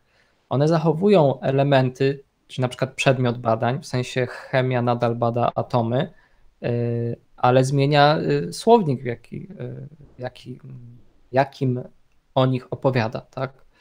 ale są też takie zniesienia, w których okazuje się, że przedmiot poznania mamy nie ten, co trzeba, tak? E, kiedy na przykład znosimy taki bardzo prosty, dychotomiczny e, dualizm e, ciało-dusza albo ciało-rozum, tak? Są te mhm. momenty, kiedy na przykład w, ne w neuronaukach czy w psychoanalizie kiedy to połączenie tej sfery kulturowo-poznawczej z cielesno-fizjologiczną jakby się zamazuje. I to są te krytyczne momenty, dialektyczne momenty. Tak. E, a ja przypominam, że my jesteśmy cały czas z, tutaj otwarci na pytania i też jesteśmy otwarci na donaty i na subskrypcje, także możecie uczcić tutaj naszą rozmowę. E, natomiast czy my idziemy dalej? Mm, czy jeszcze coś o, o tej nauce tutaj można powiedzieć? Żebyśmy się nie zatrzymywali też ja bym się na nauce tutaj zatrzymał, bo po prostu mm. w mhm. notatkach nie mam wypisanych takich tropów stricte związanych z nauką. Jasne. Ja bym tylko jeszcze też poprosił oprócz komentarzy merytorycznych, jakbyście napisali, czy nas dobrze słychać, czy nas dobrze widać, czy stream płynnie idzie i tak dalej. Ja też bym wiedział, jak, czy, czy jeśli siedzę tyle od mikrofonu, um, czy to jest ok ja widzę, jak to jest. Ja cały czas poprawiam przechwytywanie wyjścia dźwięku i, i, i jest różnie. Także jak siedzisz w jednym miejscu. Ja jeszcze nie, nie podkręciłem na maksa, także jest, jest zapasik mały gaina tutaj. Tutaj piszą Dobra. trochę EORAP robisz. Nie wiem, nie, nie, znam się na tej terminologii. Jak się przybliżasz, e, to robisz EORAP. No chodzi o takie buczenie trochę, ale to Aha, wiem, ear rape w sensie. Ear rape, może, tak, tak. Ja nie. Uchogwałt. Aha. Y, okej, okay, dobra, to robię dobra. przester. To, to muszę trzymać dystans. Dzięki za wskazówkę. Dobra, to lecimy dalej z kolejnymi tropami i figurami dialektu. w taki bardzo postmodernistyczny sposób, niczym liberalna ironistka, analizujemy tego Hegla. E, no ale tutaj też bądźmy dialektyczni dla samej dialektyki, tak? Rozdialektyzujmy, rozłóżmy na czynniki pierwsze e, te momenty dialektyczne, bo to nie jest tak, że Hegel nam podaje jakieś jedno narzędzie. E, każda sytuacja, w której zachowujemy dialektyczną czujność i szukamy dialektycznych momentów, wymaga od nas innych narzędzi, tak? I wiedzy z różnych dziedzin, więc dialektyka to jest bardziej postawa niż nawet metoda. I w sumie tym samym zniosłem tytuł naszego streama dialektycznie. Niestety, ponieważ y, y, co się historycznie stało, to się nie odstanie, to ten tytuł zostanie z nami jako właśnie zachowany dialektycznie. I tutaj y, przy okazji nawiążę do takiej, takiego fajnego niemieckiego słówka, którego używa Hegel, to, co ty wspomniałeś, Filipie, że zwróciło Twoją uwagę, zapośredniczenie chronologiczne. Jest takie słowo po niemiecku jak das Unhintergebares, czyli coś, za co się nie możemy, czy przed co się nie możemy cofnąć. Coś, co już jest, y, co nas już bezpowrotnie zapośrednicza. Takim czymś oczywiście jest czas i historia, no bo przynajmniej my, żyjąc w tych czterech wymiarach, trzech przestrzeni i czterech y, i czwartym czasowym, w tym czwartym samoistnie przemieszczamy się do przodu. Używamy teraz, opracowując filozofię anarchoprymitywizmu, jest przecież owocem czasów nie tyle industrialnych, co nawet postindustrialnych. Więc ten motyw, że cywilizacja, uprzemysłowienie, technologia się stały, on jest unhintegebare, w sensie on jest yy, nie do odzapośredniczenia, w sensie to się nie odstanie już. I my albo pogodzimy się z tym dialektycznie, jakoś to właśnie syntezujemy, albo dokonamy radykalnego zerwania. Tak? Albo y, spróbujemy odnaleźć na warunkach y, postindustrialnego kapitalizmu warunki dla y, jakiegoś powrotu do natury, albo totalne zerwanie, uciekamy w Bieszczady. Nie? Hm. Bardzo obrazowo mówiąc. Więc to też jest takie otwarte rozumienie dialektyki, bo ona nam daje wybór, tak?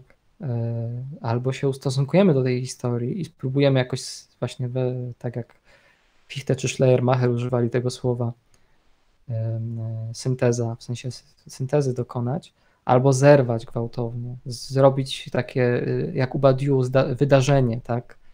Czyli wbrew historii, wbrew y, porządkowi symbolicznemu, temu, co się utarło, tak, wbrew status quo, pójść w jakąś inną stronę.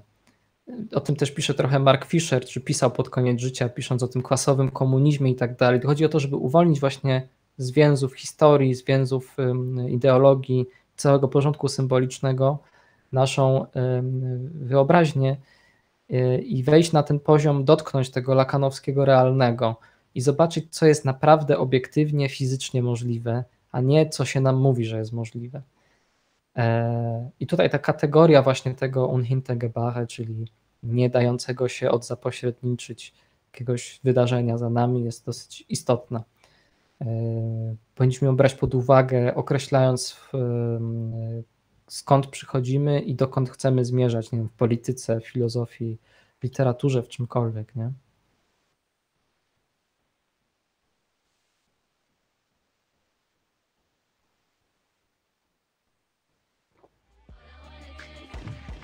O mój Boże.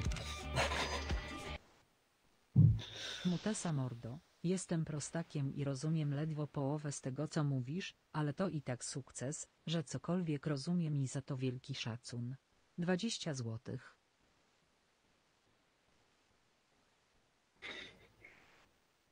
Ale kto jest, kto jest prostakiem w sensie? O mój Boże. To jest właśnie przykład. To jest właśnie przykład. To jest przykład takiego dialektycznego zapośrednienia podmiotowości przez dyskurs. W sensie istnieje jakaś figura e, stereotypowa e, człowieka, który nie rozumie Hegla i jest ona w pewnych środowiskach, na przykład filozoficznych, na, nacechowana e, pejoratywnie. I my budujemy swoją intymną, indywidualną tożsamość w oparciu o coś takiego. Po co? Znaczy, okej, okay, jeśli ktoś jest konformistą społecznym i chce być ignorantem, na przykład e, mieć taką naklejkę albo plepsem, albo debilem, albo kimś tam, okej. Okay. Natomiast ja staram się rozczytywać Hegla z perspektywy anarchistycznej, doprowadzając do w sumie do granic możliwości kategorię wolności, która była bardzo ważna dla Hegla. I ja przepraszam, tak. przed chwilą e, mikrofon wyłączyłem, ale przeczytałem to pytanie i Michał właśnie odpowiedział. E, I jeszcze raz dziękuję za donate. Tak, tak. Dziękujemy bardzo. Stay positive. Dobrze. Tak. E, I jeszcze było pytanie o Popera. Popper. Ok, ktoś musi zadać pytanie. Wytłumaczcie mi, panowie, dlaczego Popper i tak bardzo krytyk tak bardzo krytykował dialektykę oraz dlaczego średnio trafił z tą krytyką. No, Michał, chcesz odpowiadać na to? Tak krótko, e, krótko. Ja nie jestem specjalistą od Popera. E, wiem, mhm. że e, mniej więcej kojarzę jakby z sekundarnej literatury, że Hegel razem z Marksem byli jako wrogowie społeczeństwa otwartego ustawieni, ponieważ Popper mam wrażenie, że załapał się na stereotypowy obraz Marksa taki jak na przykład Stalin go namalował, albo na taki obraz właśnie Hegla jako takiego betonu. A co jest y, w tej perspektywie poperowskim zapewne największym grzechem dialektyki, y, to jest jej teleologiczność i determinizm. To znaczy, że rozwój jest liniowy, dialektyczny i tak jak u Hegla, filozofia musi się skończyć jego, jego metodą absolutną i tym absolutnym duchem, tak u Marksa wszystko się musi skończyć komunizmem. Co też jest nie do końca prawdą. Jeśli kogoś to te, te boczne ścieżki marksizmu interesują, to polecam. O, najlepiej sekundarną, zacznę od sekundarnej literatury. Jest taki fajny artykuł Łukasza Mola, którego mieliśmy okazję nie tak dawno temu gościć. Um, o. Bym teraz tego nie spalił. Um, komunalnym zwrocie późnego Marksa czyli Marx, który się leczy jakby właśnie z linearyzmu, ze scjentyzmu, pod koniec życia zaczyna się interesować etnologią, wskazuje na takie różne ciekawe wątki otwarte, że niekoniecznie jest tylko jedna ścieżka rozwoju historii. E, więc no, Popper po prostu wybrał sobie chłopca do bicia, dwóch właściwie dialektycznych chłopców do bicia, tak naprawdę w ich miejsce wstawiając pewnego chochoła. W sensie i heglizm, i Marx y, mają jakieś swoje grzechy, ale trzeba je sprawiedliwie rozliczać, a, a nie w ten sposób. To Mhm. jest tyle, co chciałem powiedzieć. Zdrowo. E, Dzięki e, za tą odpowiedź i ja myślę, że tutaj piszą nam, że trochę ten stream e, e, streamek rwie czasami, tnie, tnie się momentami. No, ja nie wiem, jak u mnie na oboje się pokazuje, że nic nie, nie gubią się klatki, natomiast nie wiem, jak to jest z tym internetem. Jeżeli tak bardzo tnie, to mogę przełączyć się po prostu na mobilny internet, który ostatnio pokazał się z lepszej strony niż ten e, nasz, nasza sieć tutaj Orange. Ale pamiętajcie, że na YouTubie jest wszystko, nie? Tak, potem YouTube wszystko zapisuje i, i to można sobie odsłuchać e, w razie czego. I też ym, proponuję, tak jak robiłem to tydzień temu. Co prawda, za tydzień będziemy mieli gościa. Później też, nie wiem kiedy, w lutym, marcu, będziemy chcieli zrobić gości w tej serii dialektycznej. Filip, zrób playlistę na YouTubie przy okazji, dopóki póki pamiętam, tak, tak. osobną. Ym, To dzisiaj jest drugi odcinek, jakby ktoś nie wiedział. E, Jeśli macie jakieś pytania do wcześniejszych streamów już opublikowanych, to spokojnie przyjdźcie z nimi na następny stream, bo właśnie dopóki nam nie tnie internet i mamy okazję pogadać na żywo, e, to możemy się wspólnie nad czymś zastanowić. E, Mówię tak, bo to też nie jest tak, że ja posiadam w rękawie gotowe odpowiedzi na wszystko. Kim ja jestem? Studentem filozofii. e, Jeno. No, my tu jesteśmy, nie wiem jak to nazwać, studentami, trochę streamerami, trochę wszystko po trochu. Natomiast e, no, ta, ta wiedza jest jeszcze nie, nie, nie dokonała takiego, nie jesteśmy jeszcze w tym absolucie, jeszcze trochę nam brakuje, em, kilka, kilkanaście lat, ale myślę, że mm, za 10 lat te streamy będą inaczej wyglądać, będziemy już po niemiecku streamować od razu.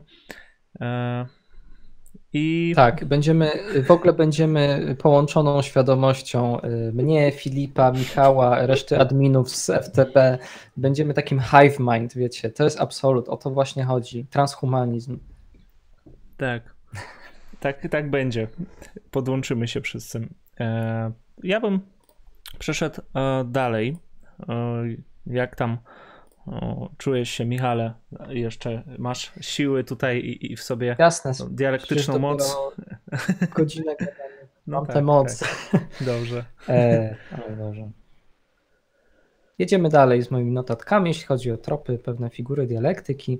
Mam tu zapisane coś takiego jak krytyka semantyczna i historyczna. E, Ta semantyczna krytyka, myślę, że to też da się przy chwilowym zastanowieniu się z tego, co powiedzieliśmy, wywnioskować. E, Dialektyki, ta krytyka semantyczna polega na tym, że bierzemy pewne pojęcia już istniejące, pewne dyskursy i pokazujemy, że one em, nie do końca trafiają w to, co chcą opisać. E. Wiem, jaki jest przykład dobry. Wolność, jako właśnie taka bardzo ogólna kategoria. Ale dialektyka też, i tu już zaspoiluję kolejne punkty, dzieli, w sensie wydziela, to znaczy zwiększa jakby ziarnistość czy rozdzielczość, w zależności z jakiej dziedziny ukradniemy tą metaforę, zwiększa rozdzielczość naszego myślenia. To znaczy, że okej, wolność jest takim pustym y, słowem, w sensie jak pod nią połączyć to, że wolność oznacza brak skrępowania, ale jednocześnie ktoś mm, powie, że jestem wolny, a żeby mam wolność do robienia czegoś. I dialektycznym jest skrytykowanie y, takiej semantycznej niedokładności, y, takiego niechlujnego semantycznie stosowania słowa wol, wolność, które pokazuje, że spróbujmy to y, rozdzielić, uszczegółowić. No i wiemy dobrze dzisiaj już, dzięki filozofii, że mamy podział na wolność pozytywną i negatywną. Mamy wolność do i wolność od. Tego rozumienia często brakuje tym, którzy o wolności mówią najwięcej, czyli liberałom i libertarianom, którzy zapominają, że człowiek y, oprócz don't tread on me, czyli nie, nie jak to się tłumaczy tą śmieszną flagę z wężem na, na, na Jak polski? to się powie? Nie nadeptuj, na, nie depcz po mnie. Jest jeszcze to, że ludzie mają e, prawo do, do życia, być może, nie wiem, mają czy nie mają. Piszcie w komentarzach, jak uważacie. W sensie, mm, są pewne rzeczy, które chciałbym przyjmować za dogmat, wręcz i aksjomat, ale jak y, obserwuję dyskusję na naszej grupce, to postmodernizm wchodzi mocno. Tak. tak, i najmocniej postmodernizm wchodzi chyba konserwatystom. To prawda. E, akurat. Kiedy negują prawo ludzi do życia, nie wiem, jedzenia, dachu nad głową i tak dalej. Więc y, to jest przykład właśnie tego, kiedy pojęcie jakieś jest nieostre, o właśnie o to chodzi, trzeba je wyostrzyć i to jest semantyczna strona dialektycznej krytyki. Mamy też krytykę historyczną, bo możemy badać historię pojęć i właśnie pokazać, że y, w sensie ja jestem krytyczny tutaj w tej chwili, jeśli zawsze jakąś taką gwiazdkę zaznaczam albo uwagę zwracam, kiedy mówię o słowie abstrakcja, tak? No bo dla nas potocznie, ale też i filozoficznie, współcześnie w większości przypadków abstrakcja jest pozytywnie nacechowana i oznacza umiejętność oderwania się od jakichś e, nieistotnych e, szczegółów. Natomiast dla Hegla abstrakcja jest czymś pejoratywnym, jest tą, tą ucieczką intelektualną, jest odpuszczeniem sobie konkretu, jest bujaniem w obłokach, jest takim właśnie idealizmem e, najczystszej wody, tak. To jest kolejna kwestia. Kategoria zapośredniczenia, Filip już mnie przewałkowałeś z tego, także to sobie może odpuścimy, chyba że ktoś mhm. spyta w, w komentarzach. O tym, że zniesienie, czy to jest wzniesienie i zachowanie kryje się pod słowem Aufhebung, to też już mówiliśmy, więc ja sobie przejdę do kolejnego slajdu tutaj, Dobrze. żeby mieć podgląd. Natomiast e, Filipie, powiedz, czy są jakieś pytania od e, widzów albo od ciebie? Ode mnie nie ma. Mm, piszą, że jesteśmy tam o studentami, streamerami pierwszego roku. Memiarzami jeszcze zapomnieliście Memiarzami, powiedzieć. Tak. Tutaj po grecku jeszcze mamy nie, nie, nie depczy mnie po rosyjsku, nie nastupajne mnie, a po grecku to jest men me badzeis. nie wiem, czy dobrze przeczytałem. Okej. Okay. No to, to, to w nie zasadzie... nastupaj na mnie, nie ubijaj mnie. Myślę, że to tyle. Jeżeli chodzi o komentarze jakieś, możemy, możemy iść dalej. Ja, ja na razie nie mam pytań. Okej. Okay. Jest jedna bardzo ważna y, figura, tak, taki myk dialektyczny.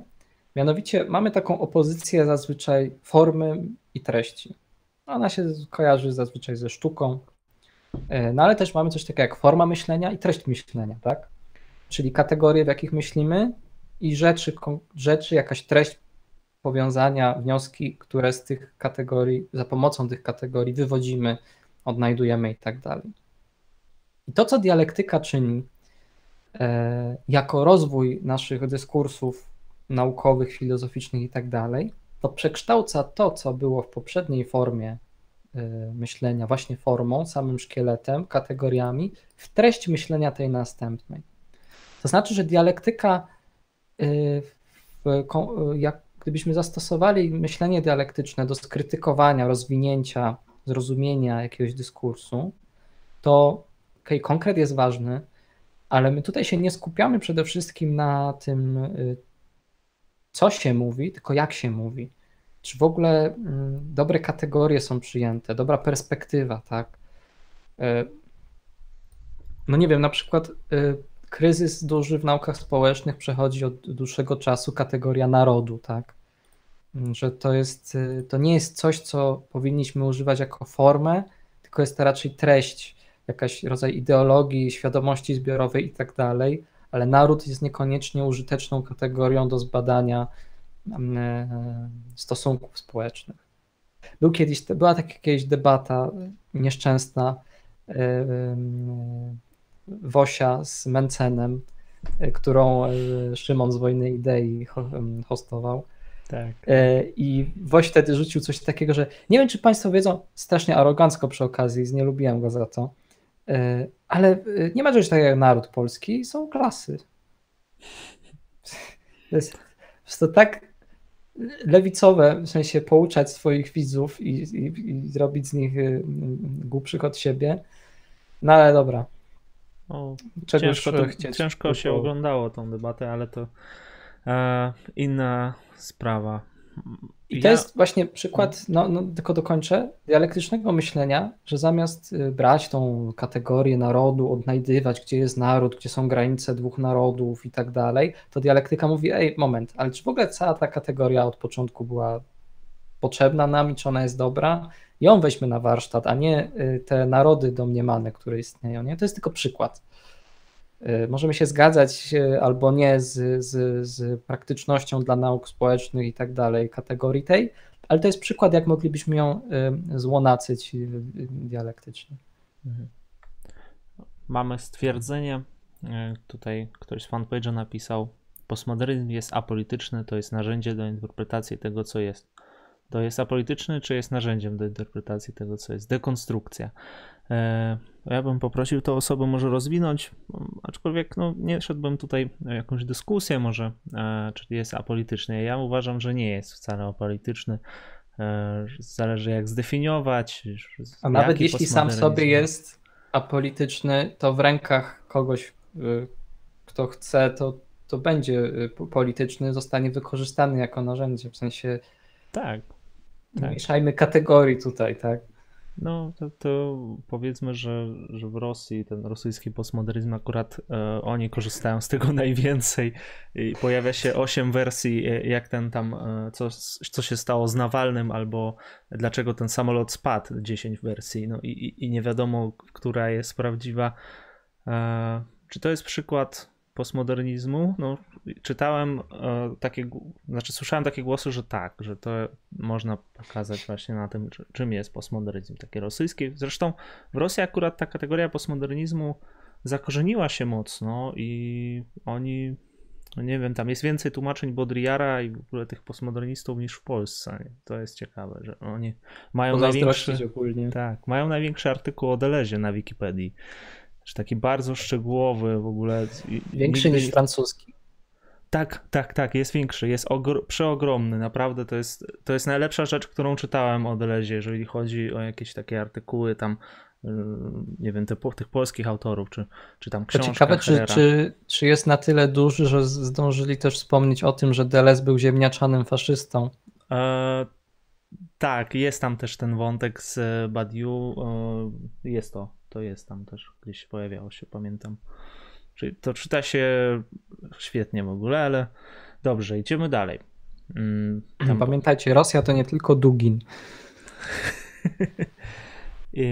XDDD. After White pisze: Postmodernizm nie jest apolityczny. U wspomnianego już Marka Fischera, na przykład, postmodernizm jest ściśle powiązany z logiką kapitalistycznego realizmu. Dobrze, no, no tutaj no, różne głosy mamy. Ja też tak uważam, że nie jest, wcale nie jest. Z tym, z tym Fischerem bym się zgodził w sumie, jak teraz sobie przypominam. Ale no. was szanuję za nawiązanie do Badiou. Pozostajemy na poziomie dekonstrukcji słowa tekstu. E, pisze ten pan, o, o, ktoś z fanpage'u. E, dobrze. Idziemy dalej. Badiou jest Y, jest po prostu. Badiu jest. Tak. Czekam na streama o Badiu, ale ja bym się nie odważył, w sensie. O, ja mógł się przysłuchiwać i zadawać pytania. To, to, to można by... Szczególnie o jego filozofii matematyki. A można by było może jakiś jeden koncept przedstawić, albo ja w ogóle ta cała sytuacja z Delezem jest ciekawa, te relacje.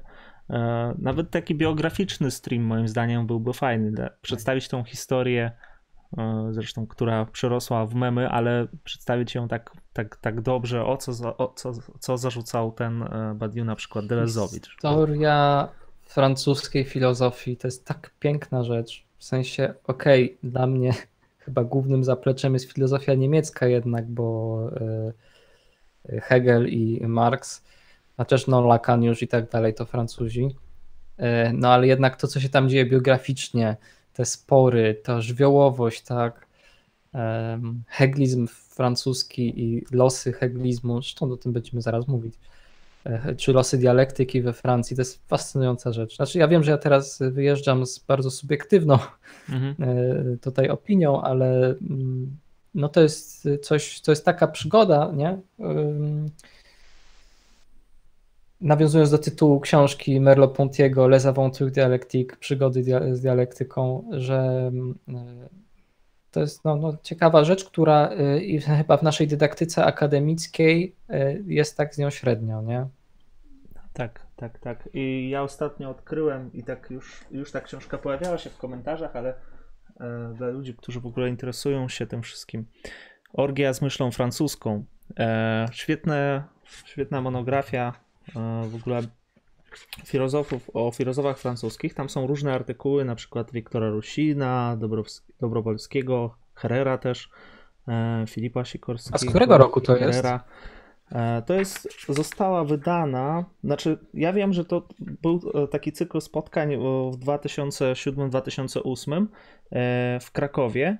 Tam się zbierali mhm. właśnie tłumacze, wykładowcy, pracownicy różni i, i spotykali się jakby robili taki cykl z różnymi filozofami. Na przykład pierwsze spotkanie było e, chyba jakieś ogólne, z tego co rozumiem. Aha, a, po, a potem było, były już poszczególne, na przykład spotkanie o Delezie w Krakowie i tutaj są artykuły, zdjęcia, w ogóle jeszcze płyta jest do tej książki e, z tego, z jednego spotkania na przykład. E, no są fajne, fajne plakaty, nie za bardzo widać, bo tak. Tak to mniej więcej wygląda. Ostatni Foucault. I, I, są artykuły świetne. W ogóle to jest na sam początek, z, tak żeby zapoznać się z filozofią i nie tylko na początek, a, ale w ogóle artykuły po prostu w bardzo taki przejrzysty sposób przedstawiają te, te, te postacie i filozofię i główne koncepty i też e, nawiązanie oczywiście do polskiej kultury. Także jeżeli ktoś jest zainteresowany, to, to bardzo polecam, polecam tą książkę. Ja y, muszę dać upust y, y, również swojej bibliofilii, bo wiem, że ty też, Filip, uwielbiasz książki. Zaraz wrócę, tylko się przejdę po jeden istotny dla naszej rozmowy egzemplarz. Już boję się, co tam przyniesiesz. E, jeszcze z takich rzeczy to też ciekawa książka jest już dawno wydana w 2003 roku, Postmodernizm, wydawnictwo Interesse, teksty polskich autorów, też e, rzeczywiście już o filozofii francuskiej. I tam ma, można znaleźć fajne artykuły, znaczy chodzi o taką normalną literaturę, bo jest, wiele jest takich książek, które w zasadzie nic nie, nie mówią na ten temat, tylko próbują jakoś skrytykować. Przykładem takiej krytyki jest książka Boże, Arnolda Gelena chyba wydana w latach 90., gdzie on w ogóle nie odnosi się do, do postmodernizmu.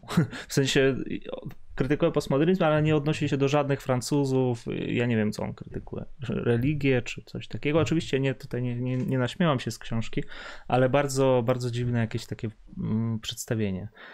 Filip, słyszysz mnie? Tak, słyszę cię. Znikłeś mi, w sensie zatrzymałeś się, sfrizowałeś mhm. się na, na, na, aha, aha. na wideo, Nie, ale także na, na, na jest bardzo ciężko z internetem. Oj, no dobrze. Mam nadzieję, że reszta to jakoś widzi, słyszy. O, klatki mhm. spadają. Mhm. Faktycznie jest ciężko z internetem. No właśnie. O, no dobrze. No, przełączę się może na tablet. Nie wiem co. Aż tak źle? A, Dobra, już jest norma, ale parę klatek faktycznie spadło. Dobrze, no, wróciliśmy. Przepraszam, no, mamy problemy z internetem dzisiaj. Podobnie zresztą było wczoraj. możemy mówić dalej, chyba jest dobrze. U mnie się poprawiło też. Tak. No, to akurat chwil, mieliśmy chwilę przerwę techniczną. Ja zdążyłem y, pójść po dwie fajne książki. Y, dobra okazja, żeby je polecić, chociaż niestety to są już białe kruki, bo to jest z przełomu lat 90., 2000. Y, to jest bardzo fajna książka. Małgorzaty Kowalskiej, Dialektyka poza dialektyką od Bataja do Deridy. Nie Filipie, to nie jest y, mój egzemplarz, to jest egzemplarz Biblioteki Śląskiej, także nie masz czego zazdrościć mi. Ta książka wyszła w 2000 roku, kurde, 21 lat temu, w sensie kiedy to przeleciało, nie? No. I ona w każdym razie pokazuje, jak różni francuscy A, Michał, filozofowie. internet nam znów e, spadł. Ojejku. Tak.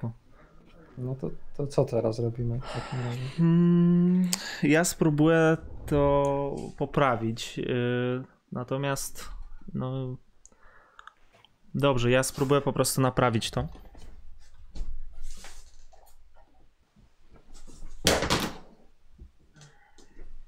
Żyjesz?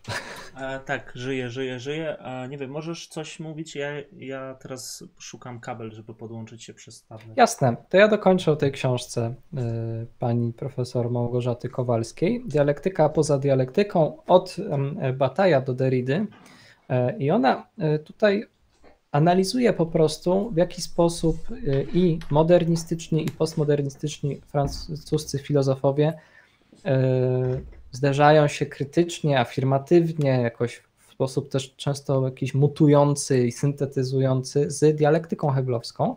Przy czym dla niej dialektyka w ogóle, i to jest takie clue też całego tego projektu, tej książki, dla niej dialektyka jest y, wyznacznikiem nowoczesności. I po nowoczesność mamy wtedy, kiedy filozofowie, głównie francuscy, mierzą się z dialektyką jako tą metodą, która w sumie była takim y, takim nerwem, takim pulsujący, pulsującym, pulsującą żyłą e, w, w filozofii. E, no i zaraz Wam przytoczę, do jakich ona filozofów tu sięga. E, jest Bataille jako specyficzny czytelnik Hegla, jest Levinas oczywiście, mamy Sartra Merl i Merleau Pontiego, czyli dwóch um, egzystencjalistów, którzy uczęszczali na te seminaria Korzewa, Aleksandra Korzewa o, o fenomenologii ducha i w sumie y, Kowalska to tak opisuje, że dzięki właśnie dialektyce Hegla oni się zdecydowali, Sartre i Merleau-Ponty, że fenomenologia jest najlepszą metodologią do opisywania egzystencji człowieka i dlatego też sięgnęli po drodze po Heideggera. Nie? E, mamy Levi, Straussa, Althusera i Foucault, Arona, Lyotarda, Levinasa, zaś Deleza i Derrida jako antyheglistów. Przy czym Derrida jest krypto trochę dialektyczny, no a Deleuze i Gattari no to próbują tego Hegla wiecie, Powiedz, e... zaproponować całkiem alternatywną do dialektyki jakby logikę myślenia, nie? Mhm. E, no jest też Lakan, jest też fragment o Lakanie, chociaż widać, że autorka się z nim bardzo zmaga, bo jeszcze wtedy w języku polskim nie było za dużo jakichś oficjalnych interpretacji, w sensie nawet tłumacze e, jeszcze nie do końca między sobą uzgodnili, jak tego Lakana tłumaczyć, więc to jest bardzo fajna e, książka. Powiem wam, że nawet w języku francuskim brakuje takich pozycji, które by taki sposób, z takim y, jajem, w sensie nie, że ta książka jest zabawna, tylko jest spryt, sprytnie przedstawia kwestie dialektyki we francuskiej filozofii. Brakuje takich książek nawet we, we Francji samej, więc trzeba doceniać nasz krajowy produkt. E, powiedz tylko, czy. Jeszcze mam jedną książkę, ale za ten czas. Y, Michał, czy mam Jak ją? najbardziej. O, dobra, okej. Okay. Tak. Jeszcze druga książka, której niestety nie ma w zbiorach naszej biblioteki uniwersyteckiej, więc jest z nią problem z, z dostępem do niej. Ewa Nowak-Juchacz, też już pani profesor, z tego co wiem. Obecność Hegla, pięć ćwiczeń z filozofii kultury. Pani Nowak-Juchacz tutaj w tej książce e, analizuje francuskie między innymi, e, aczkolwiek sięga też po Adorna, co jest ważne w kontekście Hegla, adornowskie i francuskie odczytania estetyki heglowskiej i fi heglowskiej filozofii kultury. Bardzo ciekawy temat, który gdzieś tam wygasł. Ostatnio, to jest świetna, najlepsza dla heglistów polskich nowina póki co w tym roku. Y, w tłumaczeniu Marcina Pańkowa wyszły, wyszły wykłady Pańkuwa, Marcina Pańkuwa, wyszły wykłady Hegla Filozofia sztuki albo estetyka 8 stycznia PWN miał premierę e, papierowej wersji. Bardzo ciekawe. E, jest to jakaś alternatywa dla tych trzech tom, tomiszcz wielkich i niedostępnych już raczej e, poza bibliotekami wykładów z estetyki Hegla, ponieważ jest bardziej przystępnym językiem wyłożone to. Możemy tam więcej się dowiedzieć o preferencjach artystycznych samego Hegla, a co więcej, autentyczność tego tekstu, mamy na tą autentyczność więcej dowodów niż w przypadku tych nieszczęsnych e, trzech tomów wykładów o estetyce. Także w sumie mamy trzy pozycje do polecenia i zareklamowania. Dzisiaj no, pani tak. Kowalska, pani Nowak-Juchacz, no i ta, ta, ta, ta, ta tłumaczenie Hegla najnowsze, które się pojawiło ostatnio. Tak, ja to tylko... żyje. Tylko tutaj poprawię się, jak mówiłem o książce, która, która krytykuje postmodernizm, to chodziło mi o Ernesta Gellnera, a nie Arnolda Gellena. Mylą mi się nazwiska czasami. E, mamy kilka komentarzy. Mm, Adrian Wolny pisze: Absolut, duch, jednak czy dialektyka nie jest tylko kolejnym narzędziem umysłu podmiotu poznającego, który rozważa skrajności? Docieranie do ekstremum jako pewien wytrych poznawczy, niewątpliwie przydatny, momentami estetycznie efektowny, ale czy świat toczy się przez znoszenie się przeciwieństw? To jest pierwsze. Ja, od razu jeszcze e, przeczytam e, drugi komentarz. Czy są jakieś e, teksty w języku niemieckim, które przydałoby się przetłumaczyć na Polonisz, tłumaczonko na Polonisz. Ty Mateusz Schodowski pyta. W sensie ja może coś ciekawego ze współczesnych. Jest... Ze tak, współczesnych tak, tak. O Heglu w sensie. A, o dialektyce, no, o dialektyce, to no, podejrzewam, Jezus, że znaczy, tak. Ha. Dzisiaj się śmiałem z moim przyjacielem, współlokatorem y, Krzyśkiem, że y, dla nas filozofów nowoczesne to jest po 45 roku, więc w sumie się by nadało y, tydzień temu powoływaliśmy się na trzy wykłady o Heglu y, Adorna, Drei Studien zu Hegel. One są przetłumaczone bardzo, wydaje mi się, przyzwoicie na tyle, na ile mi pomaga znajomość podstawowa niemieckiego oraz ogarnięcie w jakby w żargonie heglowskim, że jest to dosyć przystępnie przetłumaczone na język y, angielski, tak przynajmniej sami Niemcy też twierdzą. Natomiast nie jest przetłumaczone na polski, a to jest świetny kawał porządnego wprowadzenia, osadzenia w kontekście nowoczesności Hegla i, i dialektyki, a przy okazji Adorno też tam tłumaczy, znaczy inaczej, po przeczytaniu tego rozumie się lepiej też o co samemu Adornowi chodziło z, z dialektyką negatywną. To by wymagało tłumaczenia. Y, y, poprawiono nas, że jednak został przetłumaczony ten y, tekst Hegla z okresu janajskiego o tych różnicach pomiędzy fichteańskim i szellingowskim systemem mhm. E, gdzieś. Nie pamiętam namiarów bibliograficznych, e, ale coś chyba jest na rzeczy. Mhm. Wiem tylko, że duże fragmenty tego są albo w artykułach czy książkach Marka Siemka, albo w tłumaczonych przez niego tekstach Lukacza, ponieważ Lukacz przywoływał dłuższe fragmenty, więc tym samym Siemek tłumacząc Lukacza tłumaczył też Hegla. Więc jakby ktoś się chciał pobawić w dziwne puzzle bibliograficzne, to można zrekonstruować większe części tego tekstu.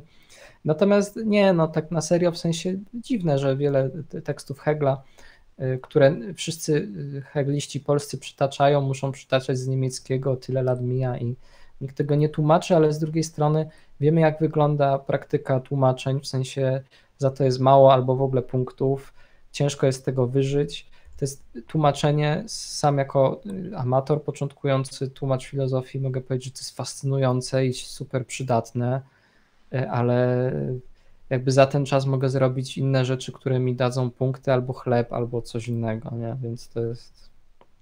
Tak, tak, tak. A to no. pytanie jeszcze, które tutaj zostało postawione, czy, e, czy dialektyka, czy świat toczy się przez znoszenie się przeciwni, no nie wiem, co, co tutaj... No, no niekoniecznie, w sensie y, okej, okay, znaczy taka jest intuicja Hegla, że gdyby nie zachodziły przeciwieństwa w danym momencie, no to by nie było sensu, żeby coś się zmieniało, tak? Wszystko by trwało w równowadze i harmonii ale są jakieś ścierające się siły i to od fizykalnego rozumienia słowa siły aż po siły polityczne i któraś z nich wygra albo do, dokonają jakiegoś paktu, cokolwiek, e, więc się zmienia przez to e, rzeczywistość. Mhm. Natomiast czy to jest jedyne źródło zmiany i postępu i tak dalej? No chyba nie, no w sensie nie chciałbym się tu w jakąś metafizykę, bo to już w sumie jest taka gruba metafizyka wchodzi tutaj, ale jakby Nie jest usprawiedliwione w mojej perspektywie, przynajmniej rozumowej, twierdzenie, że dialektyka jest wszechzasadą rozwoju historii, rozwoju przyrody i w ogóle i funkcjonowania, tak? Mówiłem już, że tym skrajnym przykładem właśnie takiego rozumienia dialektyki jest, jest dialektyka przyrody Engelsa, gdzie dialektyczne jest wszystko, wszędzie wszystko wytłumaczymy dialektyką, bo bateria ma plus i minus, to jest dialektyczna, bo atomy mają y, protony i elektrony, więc są dialektyczne i tak dalej, i tak dalej. Mhm. No, na litość boską, nie o to chodzi przecież w dialektyce. Y, no ale no, Engels jest takim w sensie mówiąc potocznie, Engels dużo cringe'u wniósł do filozofii dialektycznej. Dużo Dobrze. zażenowania. Dobrze. E, ja jeszcze przeczytam tutaj kilka rzeczy. Marcin Kostecki pisze, nawołuje do skierowania książki Kowalskiej, do wrzucenia jej na ruskie serwery. E, znaczy, ona jest udostępniona na naszej grupie Filozofia tak bardzo. Nie wiem, jak tam na ruskich. E, filozofia tak bardziej. Nie wiem, jak tam na ruskich serwerach. Czy do tu... użytku naukowego idzie znaleźć w różnych miejscach te książki. Tak. A tak. poza tym, y, słuchajcie, protip dla Was.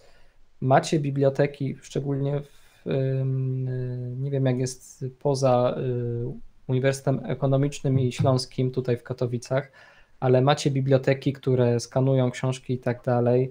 Proście sami, żeby Wam coś zdigitalizowali, albo proście wykładowców, żeby zamówili dla Was Y, kopię cyfrową jakiegoś rzadko, jakiegoś ciężko dostępnego dzieła. No i w ten sposób może coś się ruszyć do przodu, tak nie będziemy gonić za białymi krukami cały czas, więc mhm.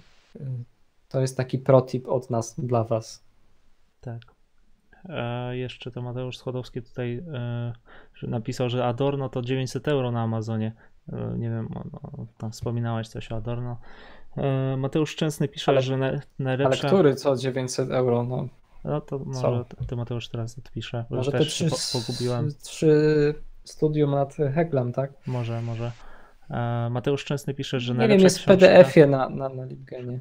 Mhm. No. Najlepsza książka o postmodernizmie to Postmodernyzm logika późnego kapitalizmu Frederika Jamesona. E, no, w sumie jeszcze no Liotarda bym dorzucił. Koncepcja, koncep... znaczy, to jest już konceptualizacja, to jest jakiś konkret oczywiście. Zawsze, że jak się mówi o postmodernyzmie, to się wrzuca tam poststrukturalistą najczęściej, ale rzeczywiście to już jest to sedno. E, co Michał myśli o diaktyce przedstawionej przez Małą? Nie wiem, czy chcesz o tym mówić, czy my w ogóle jeszcze dzisiaj coś tak będziemy przedstawiać, czy tak już bardziej. Ja myślę, że bardziej tak yy, Kurczę, rozmawiamy. 19.48, tak, tak, ale. Tak, ten czas idzie dialektycznie szybko. Jak, y, Okej, okay. Mao wyczytał w pismach Lenina taką bardzo istotną figurę e, dialektyczną. To jest, że i to jest powiedzenie wręcz już y, chińskie, maoistowskie. Jedno dzieli się na dwoje, czyli Yi Fen Waya tak to mniej więcej brzmi, jak to mówi pani w Google Translate y, i na tyle, na ile mi pozwala pamięć słuchowa to zrekonstruować. Jedno dzieli się na dwoje, czyli jedno właśnie jakieś pojęcie staramy się wyostrzyć, ukonkretyzować, wskazać jakieś przeciwieństwa, y, wszystkie idealistyczne próby ujęcia, szczególnie rzeczywistości społecznej, jakiegoś monolitu i tak dalej, dialektyka rozbija. E, no i w sumie, w sumie tak, jest to dobry sposób pojmowania dialektyki, jeden z wielu, w sensie dobrych, y, jej operalizowania, operalizacji, przepraszam, jej, czy instrumentalizacji, mm, ponieważ no, o tak jak mówiliśmy z tym nieszczęsnym wosiem tłumaczącym publiczności, o co chodzi z narodem i klasami, tak? W sensie wielu ludziom nadal wydaje się, że wydaje się, albo przynajmniej nie myślą o tym, i, i, i zachowują się tak, na przykład Polska jako społeczeństwo, e, czy e, terytorium okupowane przez państwo polskie, używając takiej anarchistycznej metafory, jest jakieś jednolite, tak? W sensie wszyscy mamy podobne warunki życia, podobną filozofię, w sensie potocznym e, rozumieniu tego słowa, podobną wiarę, język i tak dalej. No nie, właśnie dialektyczna myśl od razu by tutaj powiedziała, że no to jest podejrzane, że jest taki ogromny monolit. Y, zanim rozdrobnimy się do pojedynczych Polek, Polaków, osób o obywatelstwie polskim, e, to jeszcze po drodze zauważymy, że są klasy ekonomiczne, że są subkultury, kultury, grupy etniczne, że ludzie mówią różnymi dialektami, że jedni mówią, inni gadają i tak dalej. E, stopniowe to rozdzielanie to jest właśnie to, o czym mówi Mao. E, aczkolwiek, wiecie, Lenin, Mao, Ho Chi Minh, to są, to nie są jakieś głębokie tuzy filozoficzne i oni tą dialektykę robią z niej to, co mówiłem, taką w najgorszym tego słowa znaczeniu metodę. To nie jest stanowisko tej, to, to, o czym mówił Hegel, immanentnej krytyki, tego wyczerpywania, znajdowania granic wszystkich dyskursów, jakie nas otaczają. Tylko to jest zamknięcie pewnych wątków inspirowanych Heglem w jakimś algorytmie, w jakiejś instrukcji myślenia. One są spoko. Można ich, można według mnie stosować, ale kiedy ograniczymy do tego dialektykę, to zrobimy sobie metodologiczne kuku. I natomiast bardzo bym Wam chciał polecić. E, jest taka taką postać w sumie, jeśli już mówimy o heglizmie. Jest taki e, filozof e, chiński Zhang Xing. On ma już ze 100 chyba coś lat, nadal żyje który wykorzystał heglowski rodowód marksizmu, żeby się zajmować czymś innym niż marksizm w maoistowskich Chinach. Wiele osób również na zachodzie i y, w bloku też radzieckim, w bloku tym wschodnim, w sensie około radzieckim, y, tak czyniło, w sensie heglizm Marksa był uzasadnieniem dlatego, żeby się zajmować czymś innym niż Marks nawet jako swego rodzaju marksista to rozumiem, w sensie y, najfajniejsza filozofia wpychana odgórnie na siłę potrafi po prostu się zamienić w coś niesmacznego, szczególnie jeśli jest tak silnie ideologizowana. E, no i Zhang Xing napisał kilka fajnych książek o Heglu, z których żadna nie została przetłumaczona ani na angielski nawet, ani na polski. Natomiast rozdział jednej książki o Heglu z inicjatywy Alana Badiou został przetłumaczony w latach 60., e, 70. E, przez e, sinologów sorbońskich i taki z Sorbony w sensie, i taki zespół maoistów zapaleńców przygotował wydanie książki, która, której tytuł po angielsku może tak będzie lepiej brzmi The Rational Kernel of Hegelian Dialectics, czyli racjonalne jądro, rdzeń, racjonalny rdzeń heglowskiej dialektyki. Ten cytat jest oczywiście zaczerpnięty ze wstępu do kapitału Marksa, bo y, Marx mówi, że w swojej metodzie dialektycznej stara się tropić właśnie racjonalny rdzeń heglowskiej dialektyki i z głowy Hegla postawić na nogi. Czy ta metafora jest uzasadniona, to byśmy musieli chyba osobny stream jeszcze o tym robić, bo widzę, że dobijamy do 20.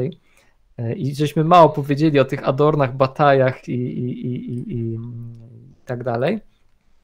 Natomiast e, po, polecam Waszej uwadze, szczególnie, że ta książka w wersji angielskiej jest dostępna za darmo na stronie wydawnictwa Repress. E, nie wiem, czy Filip jesteś w stanie tam nie podlinkować, pokazać okładkę czy coś, bo to jest bardzo fajne spojrzenie świeże na Hegla. Mm, no. Zresztą znaczy, Badiu... ja, nie, ja bym mógł coś pokazać, no, no. ale muszę wiedzieć, jak to się pisze, jeżeli o tym mówimy, bo. Moment, to, na co Messengerze na... wyślę. I możesz y, ten y, zrzut z ekranu, czy, czy, czy coś tam. Jasne, jasne. Już. Pokazać na tym naszym. No dzisiaj może przedłużymy troszeczkę powyżej tych dwóch godzin, ale nie wiem, czy ty Filip jesteś na siłę. Ja, ja jestem, ja już jestem, wiesz, e, zahartowany tutaj streamami. Mogę siedzieć sobie Szczególnie, że tak fajnie się siedzi. Teraz tak, zobaczę.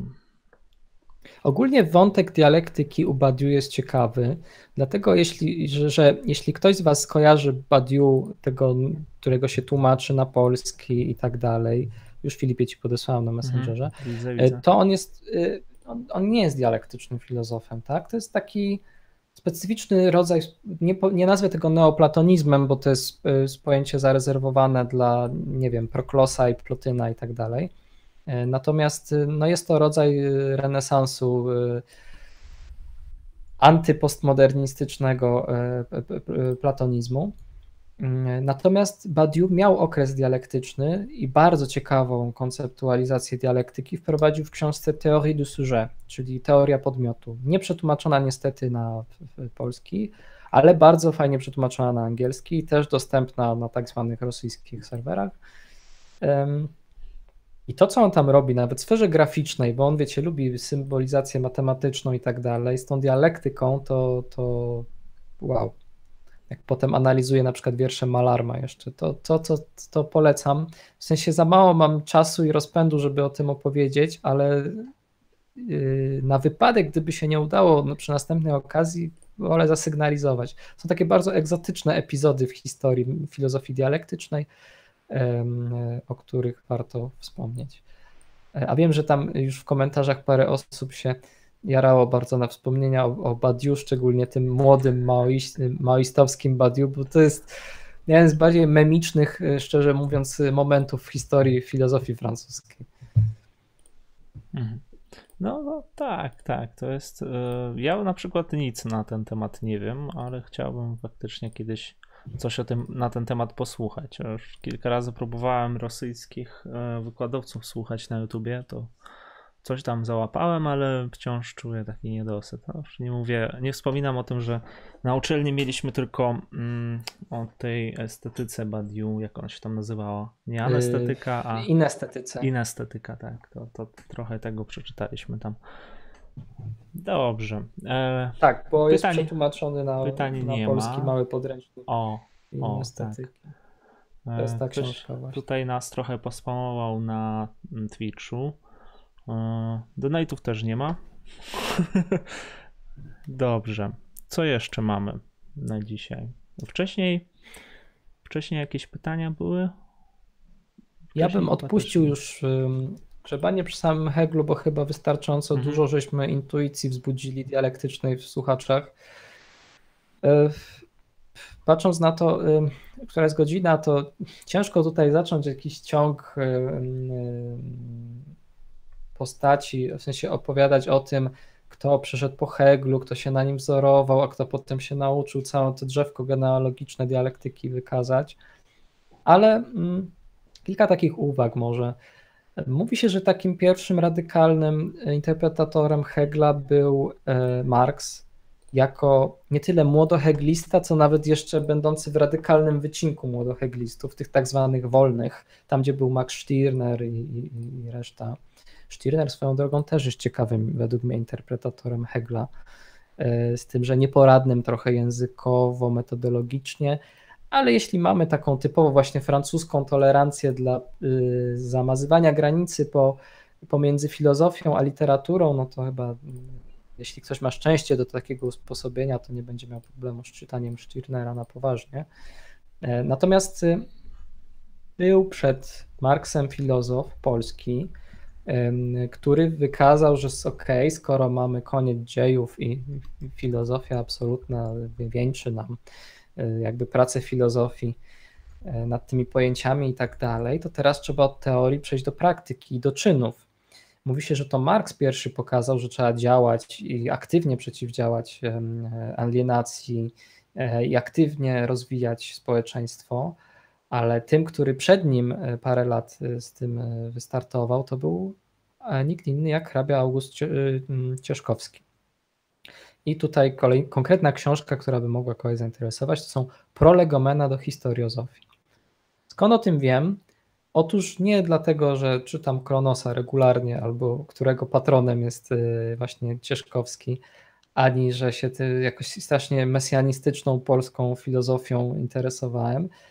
Y, otóż kiedyś przeglądając dzieła zebrane Guy Debord'a, tego sytuacjonisty francuskiego, filozofa, filmowca, alkoholika, stratega, jeszcze tam kilka tych przymiotów, którymi się określał jest.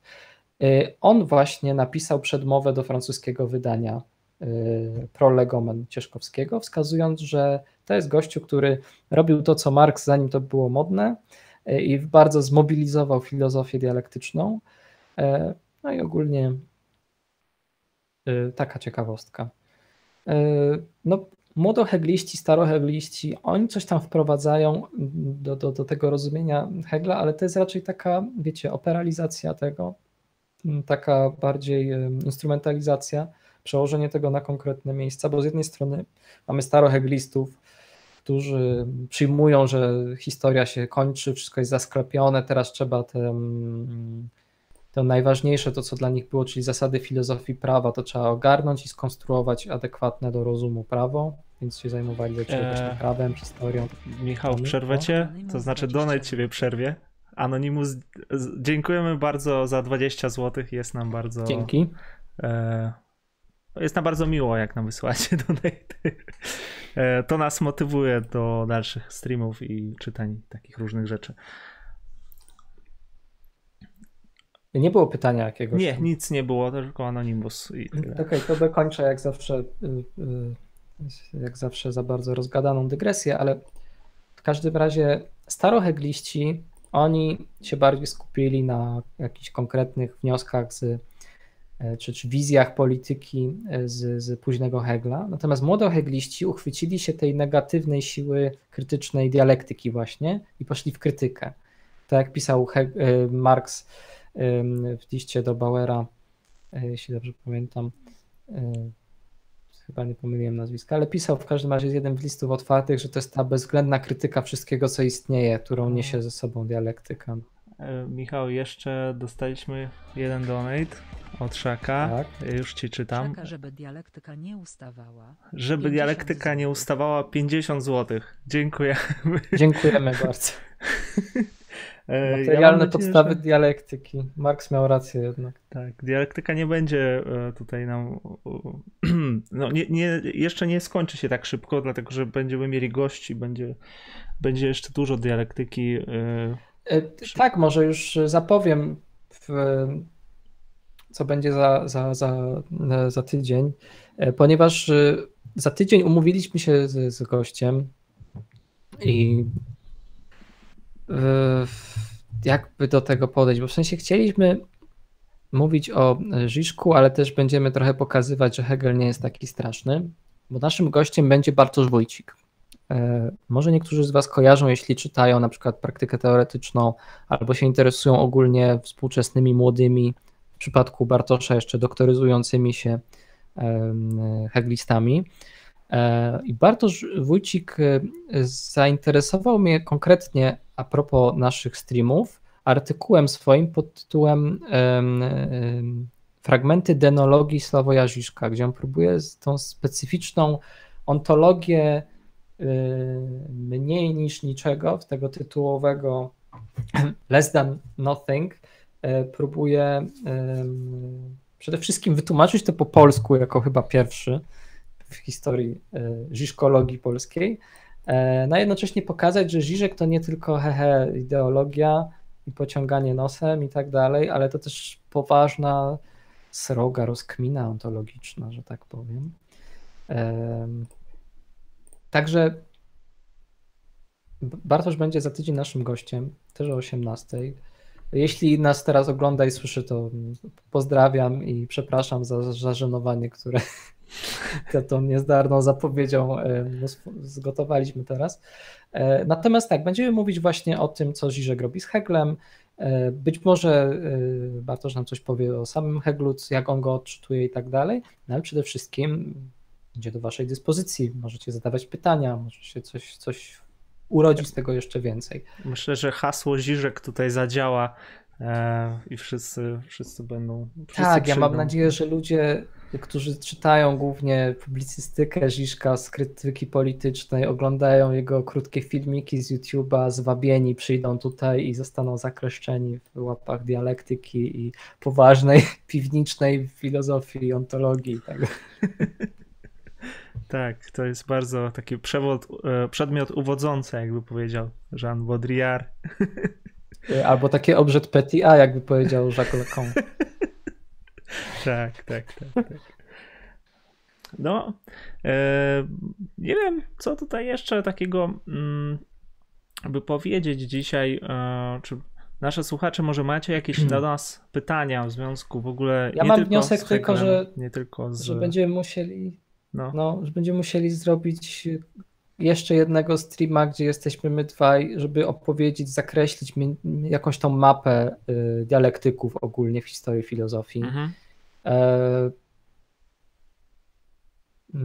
nie wiem, Tak. co tu więcej Ja, powiedzieć. W sensie, no, no, to, no, to, tak, na pewno trzeba, dlatego że no, dialektyka wyszła dawno już poza Hegla i, i trzeba jakby przedstawić ją, jak ona została tam rozwinięta, opisana, zinterpretowana. To jest bardzo ważne, Mhm. może nawet ważniejsze niż to, to co znajdziemy u Hegla. Tak, w sensie bardzo ważne jest, żeby zdać sobie sprawę, że wiecie, w dyskursie potocznym filozofów, wiem, że to niezdarnie brzmi, ale filozofowie mają swoje stereotypy, którymi się wymieniają jakiś język potoczny swój, poza takim stricte fachowym żargonem, to, to postrzegają Hegla i dialektykę jako jakąś, wiecie, czarną magię i tak dalej. Albo jest ktoś, kto siedzi w tym po, po uszy i, i ciężko się z nim dogadać, bo on już za głęboko w tym siedzi, Albo jest ktoś, kto się w ogóle na tym nie zna, albo jest, nie wiem, jakiś Marek Rosiak, który uważa, że się zna i pisze jakieś ciulowe książki o, o, o, dialektyce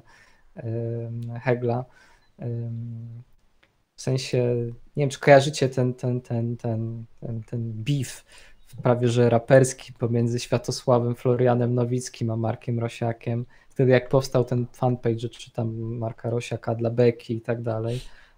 Znaczy, wiecie, to nie jest hejt, znaczy może jest hejt, y, można ktoś jakby to mógłby ktoś to tak uznać, ale to jest książka, która dostała dotacje państwowe. To jest człowiek, z którego zdaniem się liczą ludzie, bo ma tytuły, nie wiem czy, on, czy Rosiak masz tytuł profesorski czy coś i odwala taki kawał nierzetel, nierzetelności intelektualnej i nierzetelności akademickiej, no że to według mnie wymaga napiętnowania, nie? Więc, więc taki jest krajobraz. I teraz chodzi o to, że mnie zależy na tym, żeby rozrysować właśnie taką mapę e, inspiracji heglowskich, poważniejszych bądź tylko takich elementar, takich cząstkowych, żebyście zdali sobie sprawę, ci, którzy nie siedzą w Heglu, że nas wszędzie otaczają jacyś e, w historii filozofii, dialektycy, e, niedoszli byli i tak dalej. W sensie, kto by powiedział, że Foucault mógł mieć jakieś e, związki z Heglem i tak dalej. nie? O, właśnie z Foucault tutaj No. e, było stwierdzenie, ja nie wiem, chyba pominąłem go, dlatego że mówi, nie chciałem e, odchodzić od tematu, ale teraz jak już gadamy tak sobie, mm, to teraz próbuję znaleźć. Gadamer sobie. Tak, gadamer, e, godacz. Tak, przypomniał mi się ten mem świetny. Aha, dobrze, to ja, ja to poszukam, natomiast e, najpierw może pytanie, które ostatnio dostaliśmy od Mateusza Szczęsnego. Jak sądzicie, e, Sartra do dialektyków zaliczyć, zaliczycie do dialektyków? Koniecznie. W Koniecznie. sensie, jak sobie poczytacie powodzenia, w sensie ja nie przebrnąłem przez to, nikomu nie życzę. Bycie i nicość, byt i nicość, przepraszam, e, Sartra, no to tam jest dużo nawiązań do heglowskiej dialektyki. Ale tak naprawdę krytycznie, tak porządnie, na wielu stronach, z różnych, e, na wielu stronach i z różnych stron. Sartre analizuje dialektykę jako metodę myślenia w książce Critique de la raison dialectique, czyli krytyka rozumu dialektycznego, dwutomowa, drugi tom nieukończony, przerwany śmiercią Sartra. Niestety nie przetłumaczony na polski, przetłumaczony na angielski. Wydanie a- angielskie jest redakcyjnie nawet lepsze niż y, francuskie. I tam się dzieją srogie rzeczy, w sensie, na, tak? E, dostaliśmy donate od Anona. Nie ustawajcie, 100 zł. Dzięki Anonie. Dzięki bardzo, super. E, teraz już nigdy nie skończymy tego Hegla. To usmyrane. Michał Bardzo tam pisał, że, że chce iść do sklepu. Nie, Michał, nie pójdziemy już. Siedzimy do rana. I tutaj jeszcze napisali, zadali chyba do mnie pytanie, czy uczy pan jeszcze w liceum ogólnokształcącym? Tak, uczę, jeszcze mnie nie wyrzucili.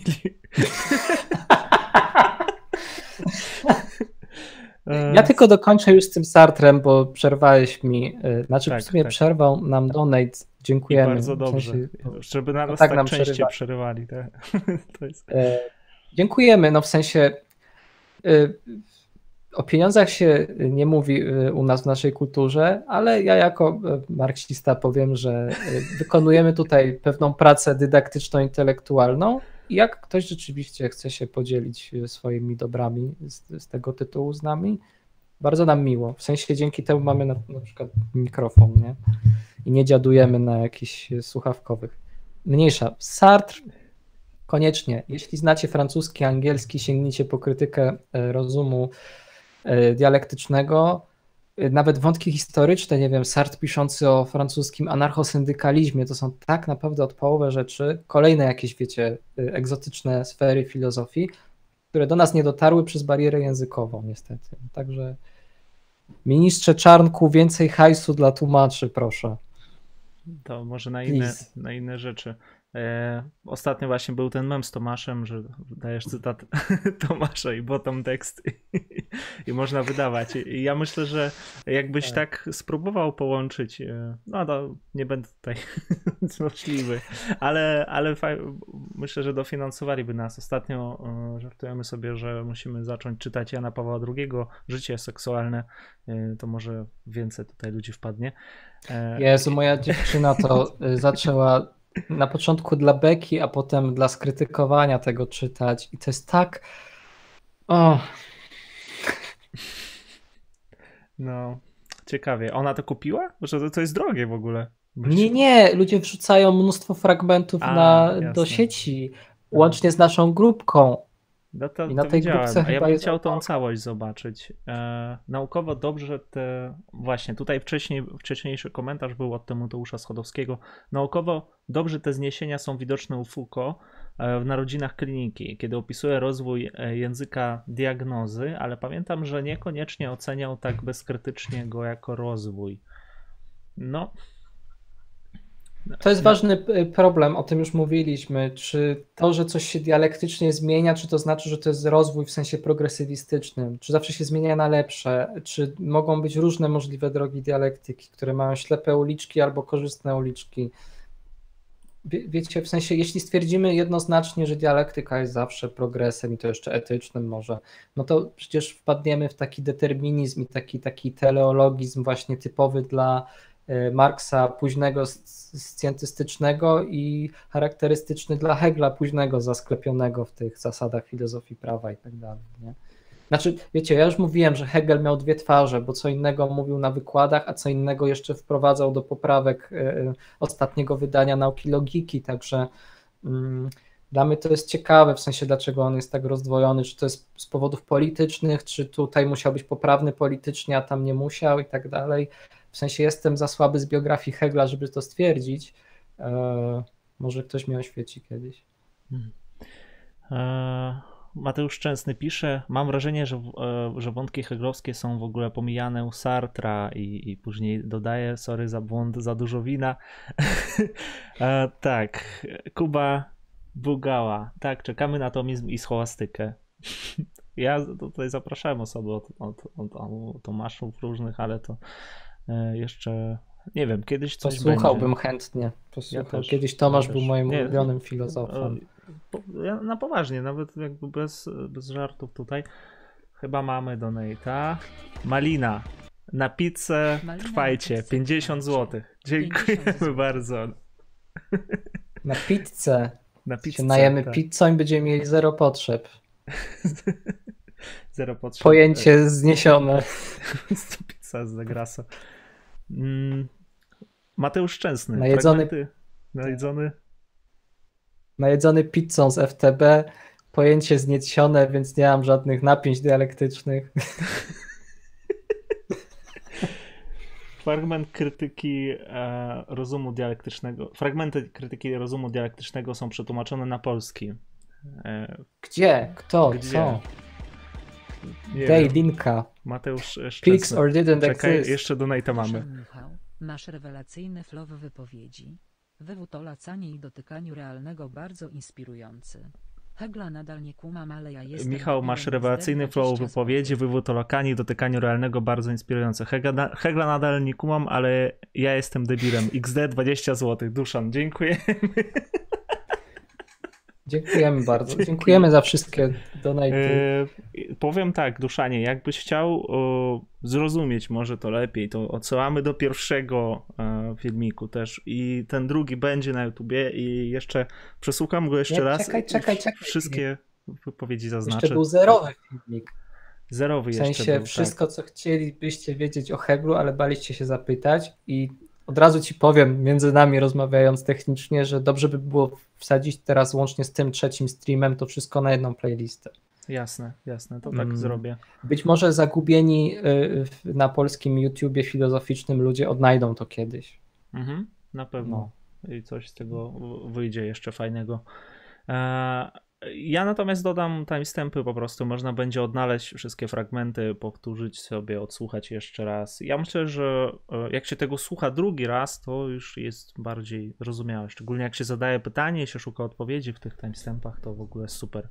Ja sam wracam później do niektórych rzeczy i odsłuchuję sobie. To jest dobra metoda. Jesteś Szczególnie- jak ci hegliści, którzy wydawali hegla i się głowili, jaki spis treści zrobić i tak Ale naprawdę. Albo, albo jak Raymond Keno, który zbierał te notatki z seminariów Korzewa i potem to, to, to, to e, redagował. Tak, albo uczniowie de Saussura, którzy też nas zbierali, później nie wiadomo, czy to de Saussure mówił, czy oni Nie mówiąc już o seminariach Lakana, nie? Ale w każdym razie przerwałem ci, jak zawsze Filipie, przepraszam. Nie, nic się nie stało. jakiś wątek. A, coś chciałem powiedzieć. Dobra, nie, już nie pamiętam. E, Mateusz Szczęsny. Jak studiowałem na Kulu, to czytaliśmy fragment krytyki, trzy kropki. A, no tej krytyki właśnie e, dialektycznego rozumu.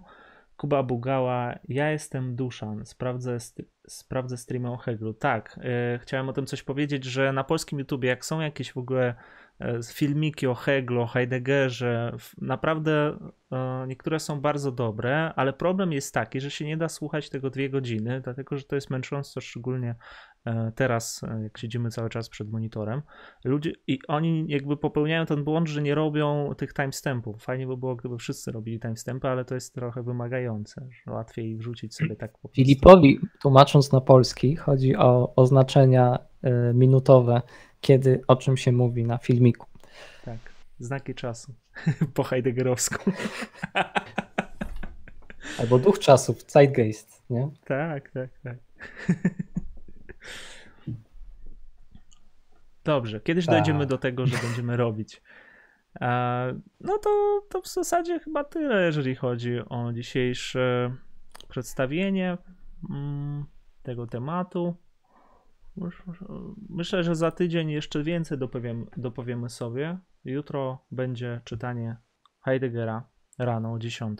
Także ja zapraszam wszystkich, którzy nie będą. Że wam się chce, kurczę, o 10 rano. No, tak sobotę. wyszło. Tak wyszło to. Nie, niespecjalnie. ale, ale kiedy rano. Dazań wzywa, Tak. moim obowiązkiem jest nie, analityka. Ej, ale swoją drogą, a propos Heideggera, Heidegger też miał dużo wycieczek do Hegla. O, tak. Mam je jakby spisane w moim zeszyciku z, ze źródłami heglowskimi, e, ale do lektury się nigdy nie zabrałem, bo mnie przeraża trochę Heidegger czasami. No, ale... Bardzo fajny wątek jest jak w Less Than Nothing czy- odczytuje to właśnie rozwój tam ku absolutowi fenomenologii ducha. Zestawia to z tym Glasenheit heideggerowskim, czyli wyzwoleniem. E, I to w sumie na koniec powiemy, bo to jest w sumie fajny wątek Żyżka. Żyżek twierdzi, że tym wyzwoleniem, które osiągamy dzięki dialektyce, jest nie to, że my osiągamy pełną wiedzę i kontrolę nad wszystkim, bo gdzie to jest wyzwolenie? Wiecie, to jest jak w dialektyce pana i niewolnika. Pan staje się w sumie niewolnikiem, niewolnika w sensie jest przez niego uziemiony.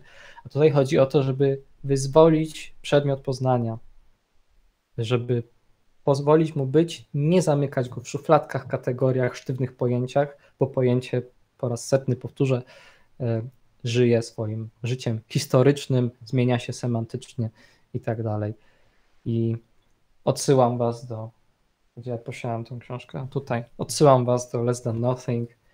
A propos tłumaczeń, w sensie, ach, w sensie jakby to ktoś przetłumaczył na polski kiedyś, to chyba trzeba by zespołu tłumaczy. W sensie ja się zbliżam ku temu, żeby sprzedawać chyba wszystkie książki Žižka, żeby mi nie zajmowały miejsca na półce i trzymać się tylko tej jednej Biblii. E, Mhm. Biblia to jest dobre określenie. Minimalizmu. No. E, to Teraz jeszcze przeczytam komentarze, ale nie pamiętam już, e, co to było za tłumaczenia. Hmm, chociaż wydaje mi się, że to było tłumaczenie z Coplestona, jego historii filozofii, ale nie dam sobie głowy uciąć. To są takie ciekawe właśnie wątki, że coś nie trafia do oficjalnego obiegu bibliograficznego i jest gdzieś tam jakimś fragmentem, tak jak te fragmenty z Hegla przetłumaczone przez Lukacza, przetłumaczone przez Siemka, e, znaczy przywołane przez Lukacza, przetłumaczone przez Siemka. E, e, myślę, że podobnie jest na przykład jak w trzecim tomie nurtów marksizmu Kołakowski tak od niechcenia i w sumie no, Jordan Peterson wpłacił nam 50 zł. Jordan B. Peterson Louis Hegel. Chuj z 50 Hegel. A, to jest. To jest ten, e, ten mem. Zrobiłeś mema ze swojego donate'a. Dziękujemy bardzo. Ja tylko Dziękujemy, dokończę, że. Petersonie. Dziękujemy. E, Ja tylko dokończę, że. O czym ja mówiłem? Że Kołakowski na przykład, wiecie, od niechcenia e, w trzecim tomie głównych nurtów marksizmu napisał taki podrozdział, w którym streścił e, dialektykę negatywną Adorna. Y, W sensie napisał tak, no, to jest, znaczy ja teraz parafrazuję, no, bo w sumie to jest ważna książka dla szkoły frankfurskiej Adorna, tam podsumowuje on w sumie swój system i tak dalej, ale jakoś nigdzie nie znalazłem streszczenia, to, to wiecie co, to ja tutaj napiszę teraz takie, nie? I wziął się jak gdyby nigdy nic za jedną z najtrudniejszych chyba książek filozoficznych w historii i, No, ale mm, w ogóle ostatnio odkryłem, niektórzy mogą nie wiedzieć, że poprawione y, ten, ten, ten sam podrozdział o dialektyce negatywnej, to streszczenie poprawione, przeredagowane jest w Kronosie, w tym numerze o Adornie. A ponieważ na różnych Bonito i tak dalej te Kronosy bardzo tanio chodzą, to ja polecam. Po 17 To zł. też tam, na, na gwiazdkę. Tak, Y, tak. Są takie fajne, rzadkie teksty Są Adorna, że, bardzo- że, że... Ja, znaczy, ja, ja tam kupiłem Florenckiego ostatnio, albo. O, tutaj mam coś z tego Kronosa. To, to się też pochwalę. Realizm spekulatywny. Tam jest tekst Badiou jakiś, nie? Chyba. Tym. Teraz zobaczę. E, faktycznie e, jest Badiou. Znaczy ja to e, zacząłem czytać to, co mnie tam interesuje, ale faktycznie eseje tutaj i Badiou, Bóg umarł, Alan Badiou, co to znaczy żyć. Fran, Alan Bardzo Badiou- fajny tekst Badiou, polecam. Ten Co Bóg to znaczy umarł. żyć, tak? A, Bóg umarł. Nie, Bóg umarł. On jest. Bo Kronos wydał jedną książkę Badiou. No, Ja się schylam po, po tą książkę. Krótki traktat z ontologii przejściowej. Y, I ona się zaczyna esejem właśnie Bóg umarł. Bardzo ciekawa perspektywa. Y, Polecam. Natomiast sama reszta książki jest okropnie ciężka, trudna. Jak ktoś nie czytał bytu i zdarzenia, to się pogubi. To jest, jak sam tytuł wskazuje, mały taki pomościk tłumaczący, dlaczego e, filozofia powinna oddać funkcję ontologii matematyce. O, e, ktoś tam przyszedł do nas. E, nie wiem, Michał, Pizza. mógłbyś tam otworzyć? Pizza może przejechała? Chaosmozę jeszcze mamy. E, znaczy ja mam chaosmozę, to jest też e, Deres Guattari Sorel. E, w Kronosie zostało wydane. Pojęcie chaosmozy jest bardzo ważne w, w dyskursie postmodernizmu, o ile jest taki dyskurs. I tutaj I no, mamy- i Guattari, Dierezy- się za chramienia chwatali. Tripiew dwa razy. Tripiew dwa razy. razy. E, no to co tutaj dużo mówić. Pojęcie z chaosmozy jest istotne, szcz- szczególnie e, w na przykład ostatnio czytałem książkę Bogdana Barana i on tam przedstawia w ogóle z chaosmozy, która ma jakby odzwierciedlać w ogóle stan współczesności w jakiś sposób. No, natomiast e, samo pojęcie jest ciekawe. no, Trzeba wgłębić się w to jeszcze. E, Co jeszcze? Adorna. To było 10 lat temu. Kiedyś w antykwariacie dorwałem dialektykę negatywną Adorna. No, dialektyka dalej chodzi. chyba widziałem nawet ostatnio na Oleksie za. Ona 50 miała przyzwoity, miała przyzwoity nakład. I bardzo dobrze. No. Ale jeśli chodzi o Żiszka, jeszcze wracając, skoro już trochę go omawiamy, mam tu przy sobie tą ten słynny, słynny w sensie słynny w naszych katowickich y, małym kręgu, ten egzemplarz wzniosłego obiektu ideologii, z którego wszystkie te czytania żeśmy robili. I jak zobaczycie sobie na YouTubie koła myśli lewicowej uś, ile żeśmy godzin nad tym przesiedzieli, a żeśmy doszli, jedną część żeśmy chyba tyle jakoś skończyli. Tam jest mnóstwo też właśnie ciekawych wskazówek co do rozczytania Hegla. I w perspektywie mm, lakanowskiej, i w perspektywie kantowskiej, i w perspektywie również antydeskryptywizmu Saula Kripkego. W ogóle wow, Żyżek w swojej tej pierwszej takiej ważnej książce sięgnął po, po to. Także yy, Cieszmy się, że coś tam z tych poważniejszych książek Grzyszka mamy po polsku. Znaczy, wiecie, to już nakład się dawno wyczerpał i to chodzi po 150. Cześć, Michał. 150, 200 zł. Ale trzeba było od razu tak powiedzieć. Oj, przepraszam, tak nie, wyłączyłem mikrofon. Kurde. Dobra, nieważne. Chciałem tylko dokończyć, że PDF tego gdzieś lata po sieci w różnych formatach, także od tego można zacząć y, zabawę z Ziszkowskim rozczytaniem Hegla, nie? Tak, no. Michał mówił o Eldiku, że zamknął nam, ale ja mówię, że półtorej godziny. E, kiedy, jeszcze no, ma słyszałem, słyszałem. wcześniej. Nie, znaczy ja mówię dla tych, którzy nie słyszeli, dlatego że tej, jak on, Michał wchodził, to ja włączyłem mikrofon, żeby nie było słuchać.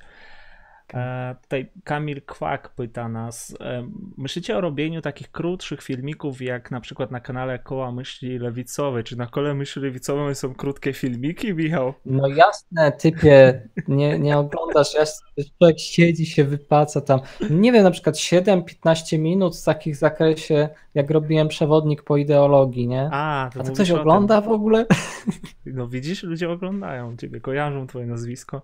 No, słuchajcie, teraz jest, jest jest, jest sprzęt, jest kamerka, wszystko. Y, jak y, będę miał za dużo czasu wolnego, czyli nigdy, czyli chyba jak się na doktorat dostanę, dopiero trzymajcie kciuki, mhm. to, to będę miał czas na nagrywanie takich rzeczy i z przyjemnością, wiecie, świadomość, że można pomóc komuś y, zrozumieć coś i się podzielić swoją pracą, której normalnie nikt by pewnie nie przeczytał, bo po co. To jest, jest fajne, nie? No, popularyzacja dzięki streamom w ogóle to jest, to jest hit jakiś tutaj. E, Wspólnota, komunitas, wymienianie tak. się darami, wiecie o co chodzi. Tak. Anarchokomunizm, Kropotkin, Bukcin, e, to jest... Potlacz. Potlacz e, tak. w donatach. Za tym wszyscy jesteśmy z perspektywy heglowskiej symbolicznymi komunistami, bo żyjemy we wspólnym dyskursie, języku.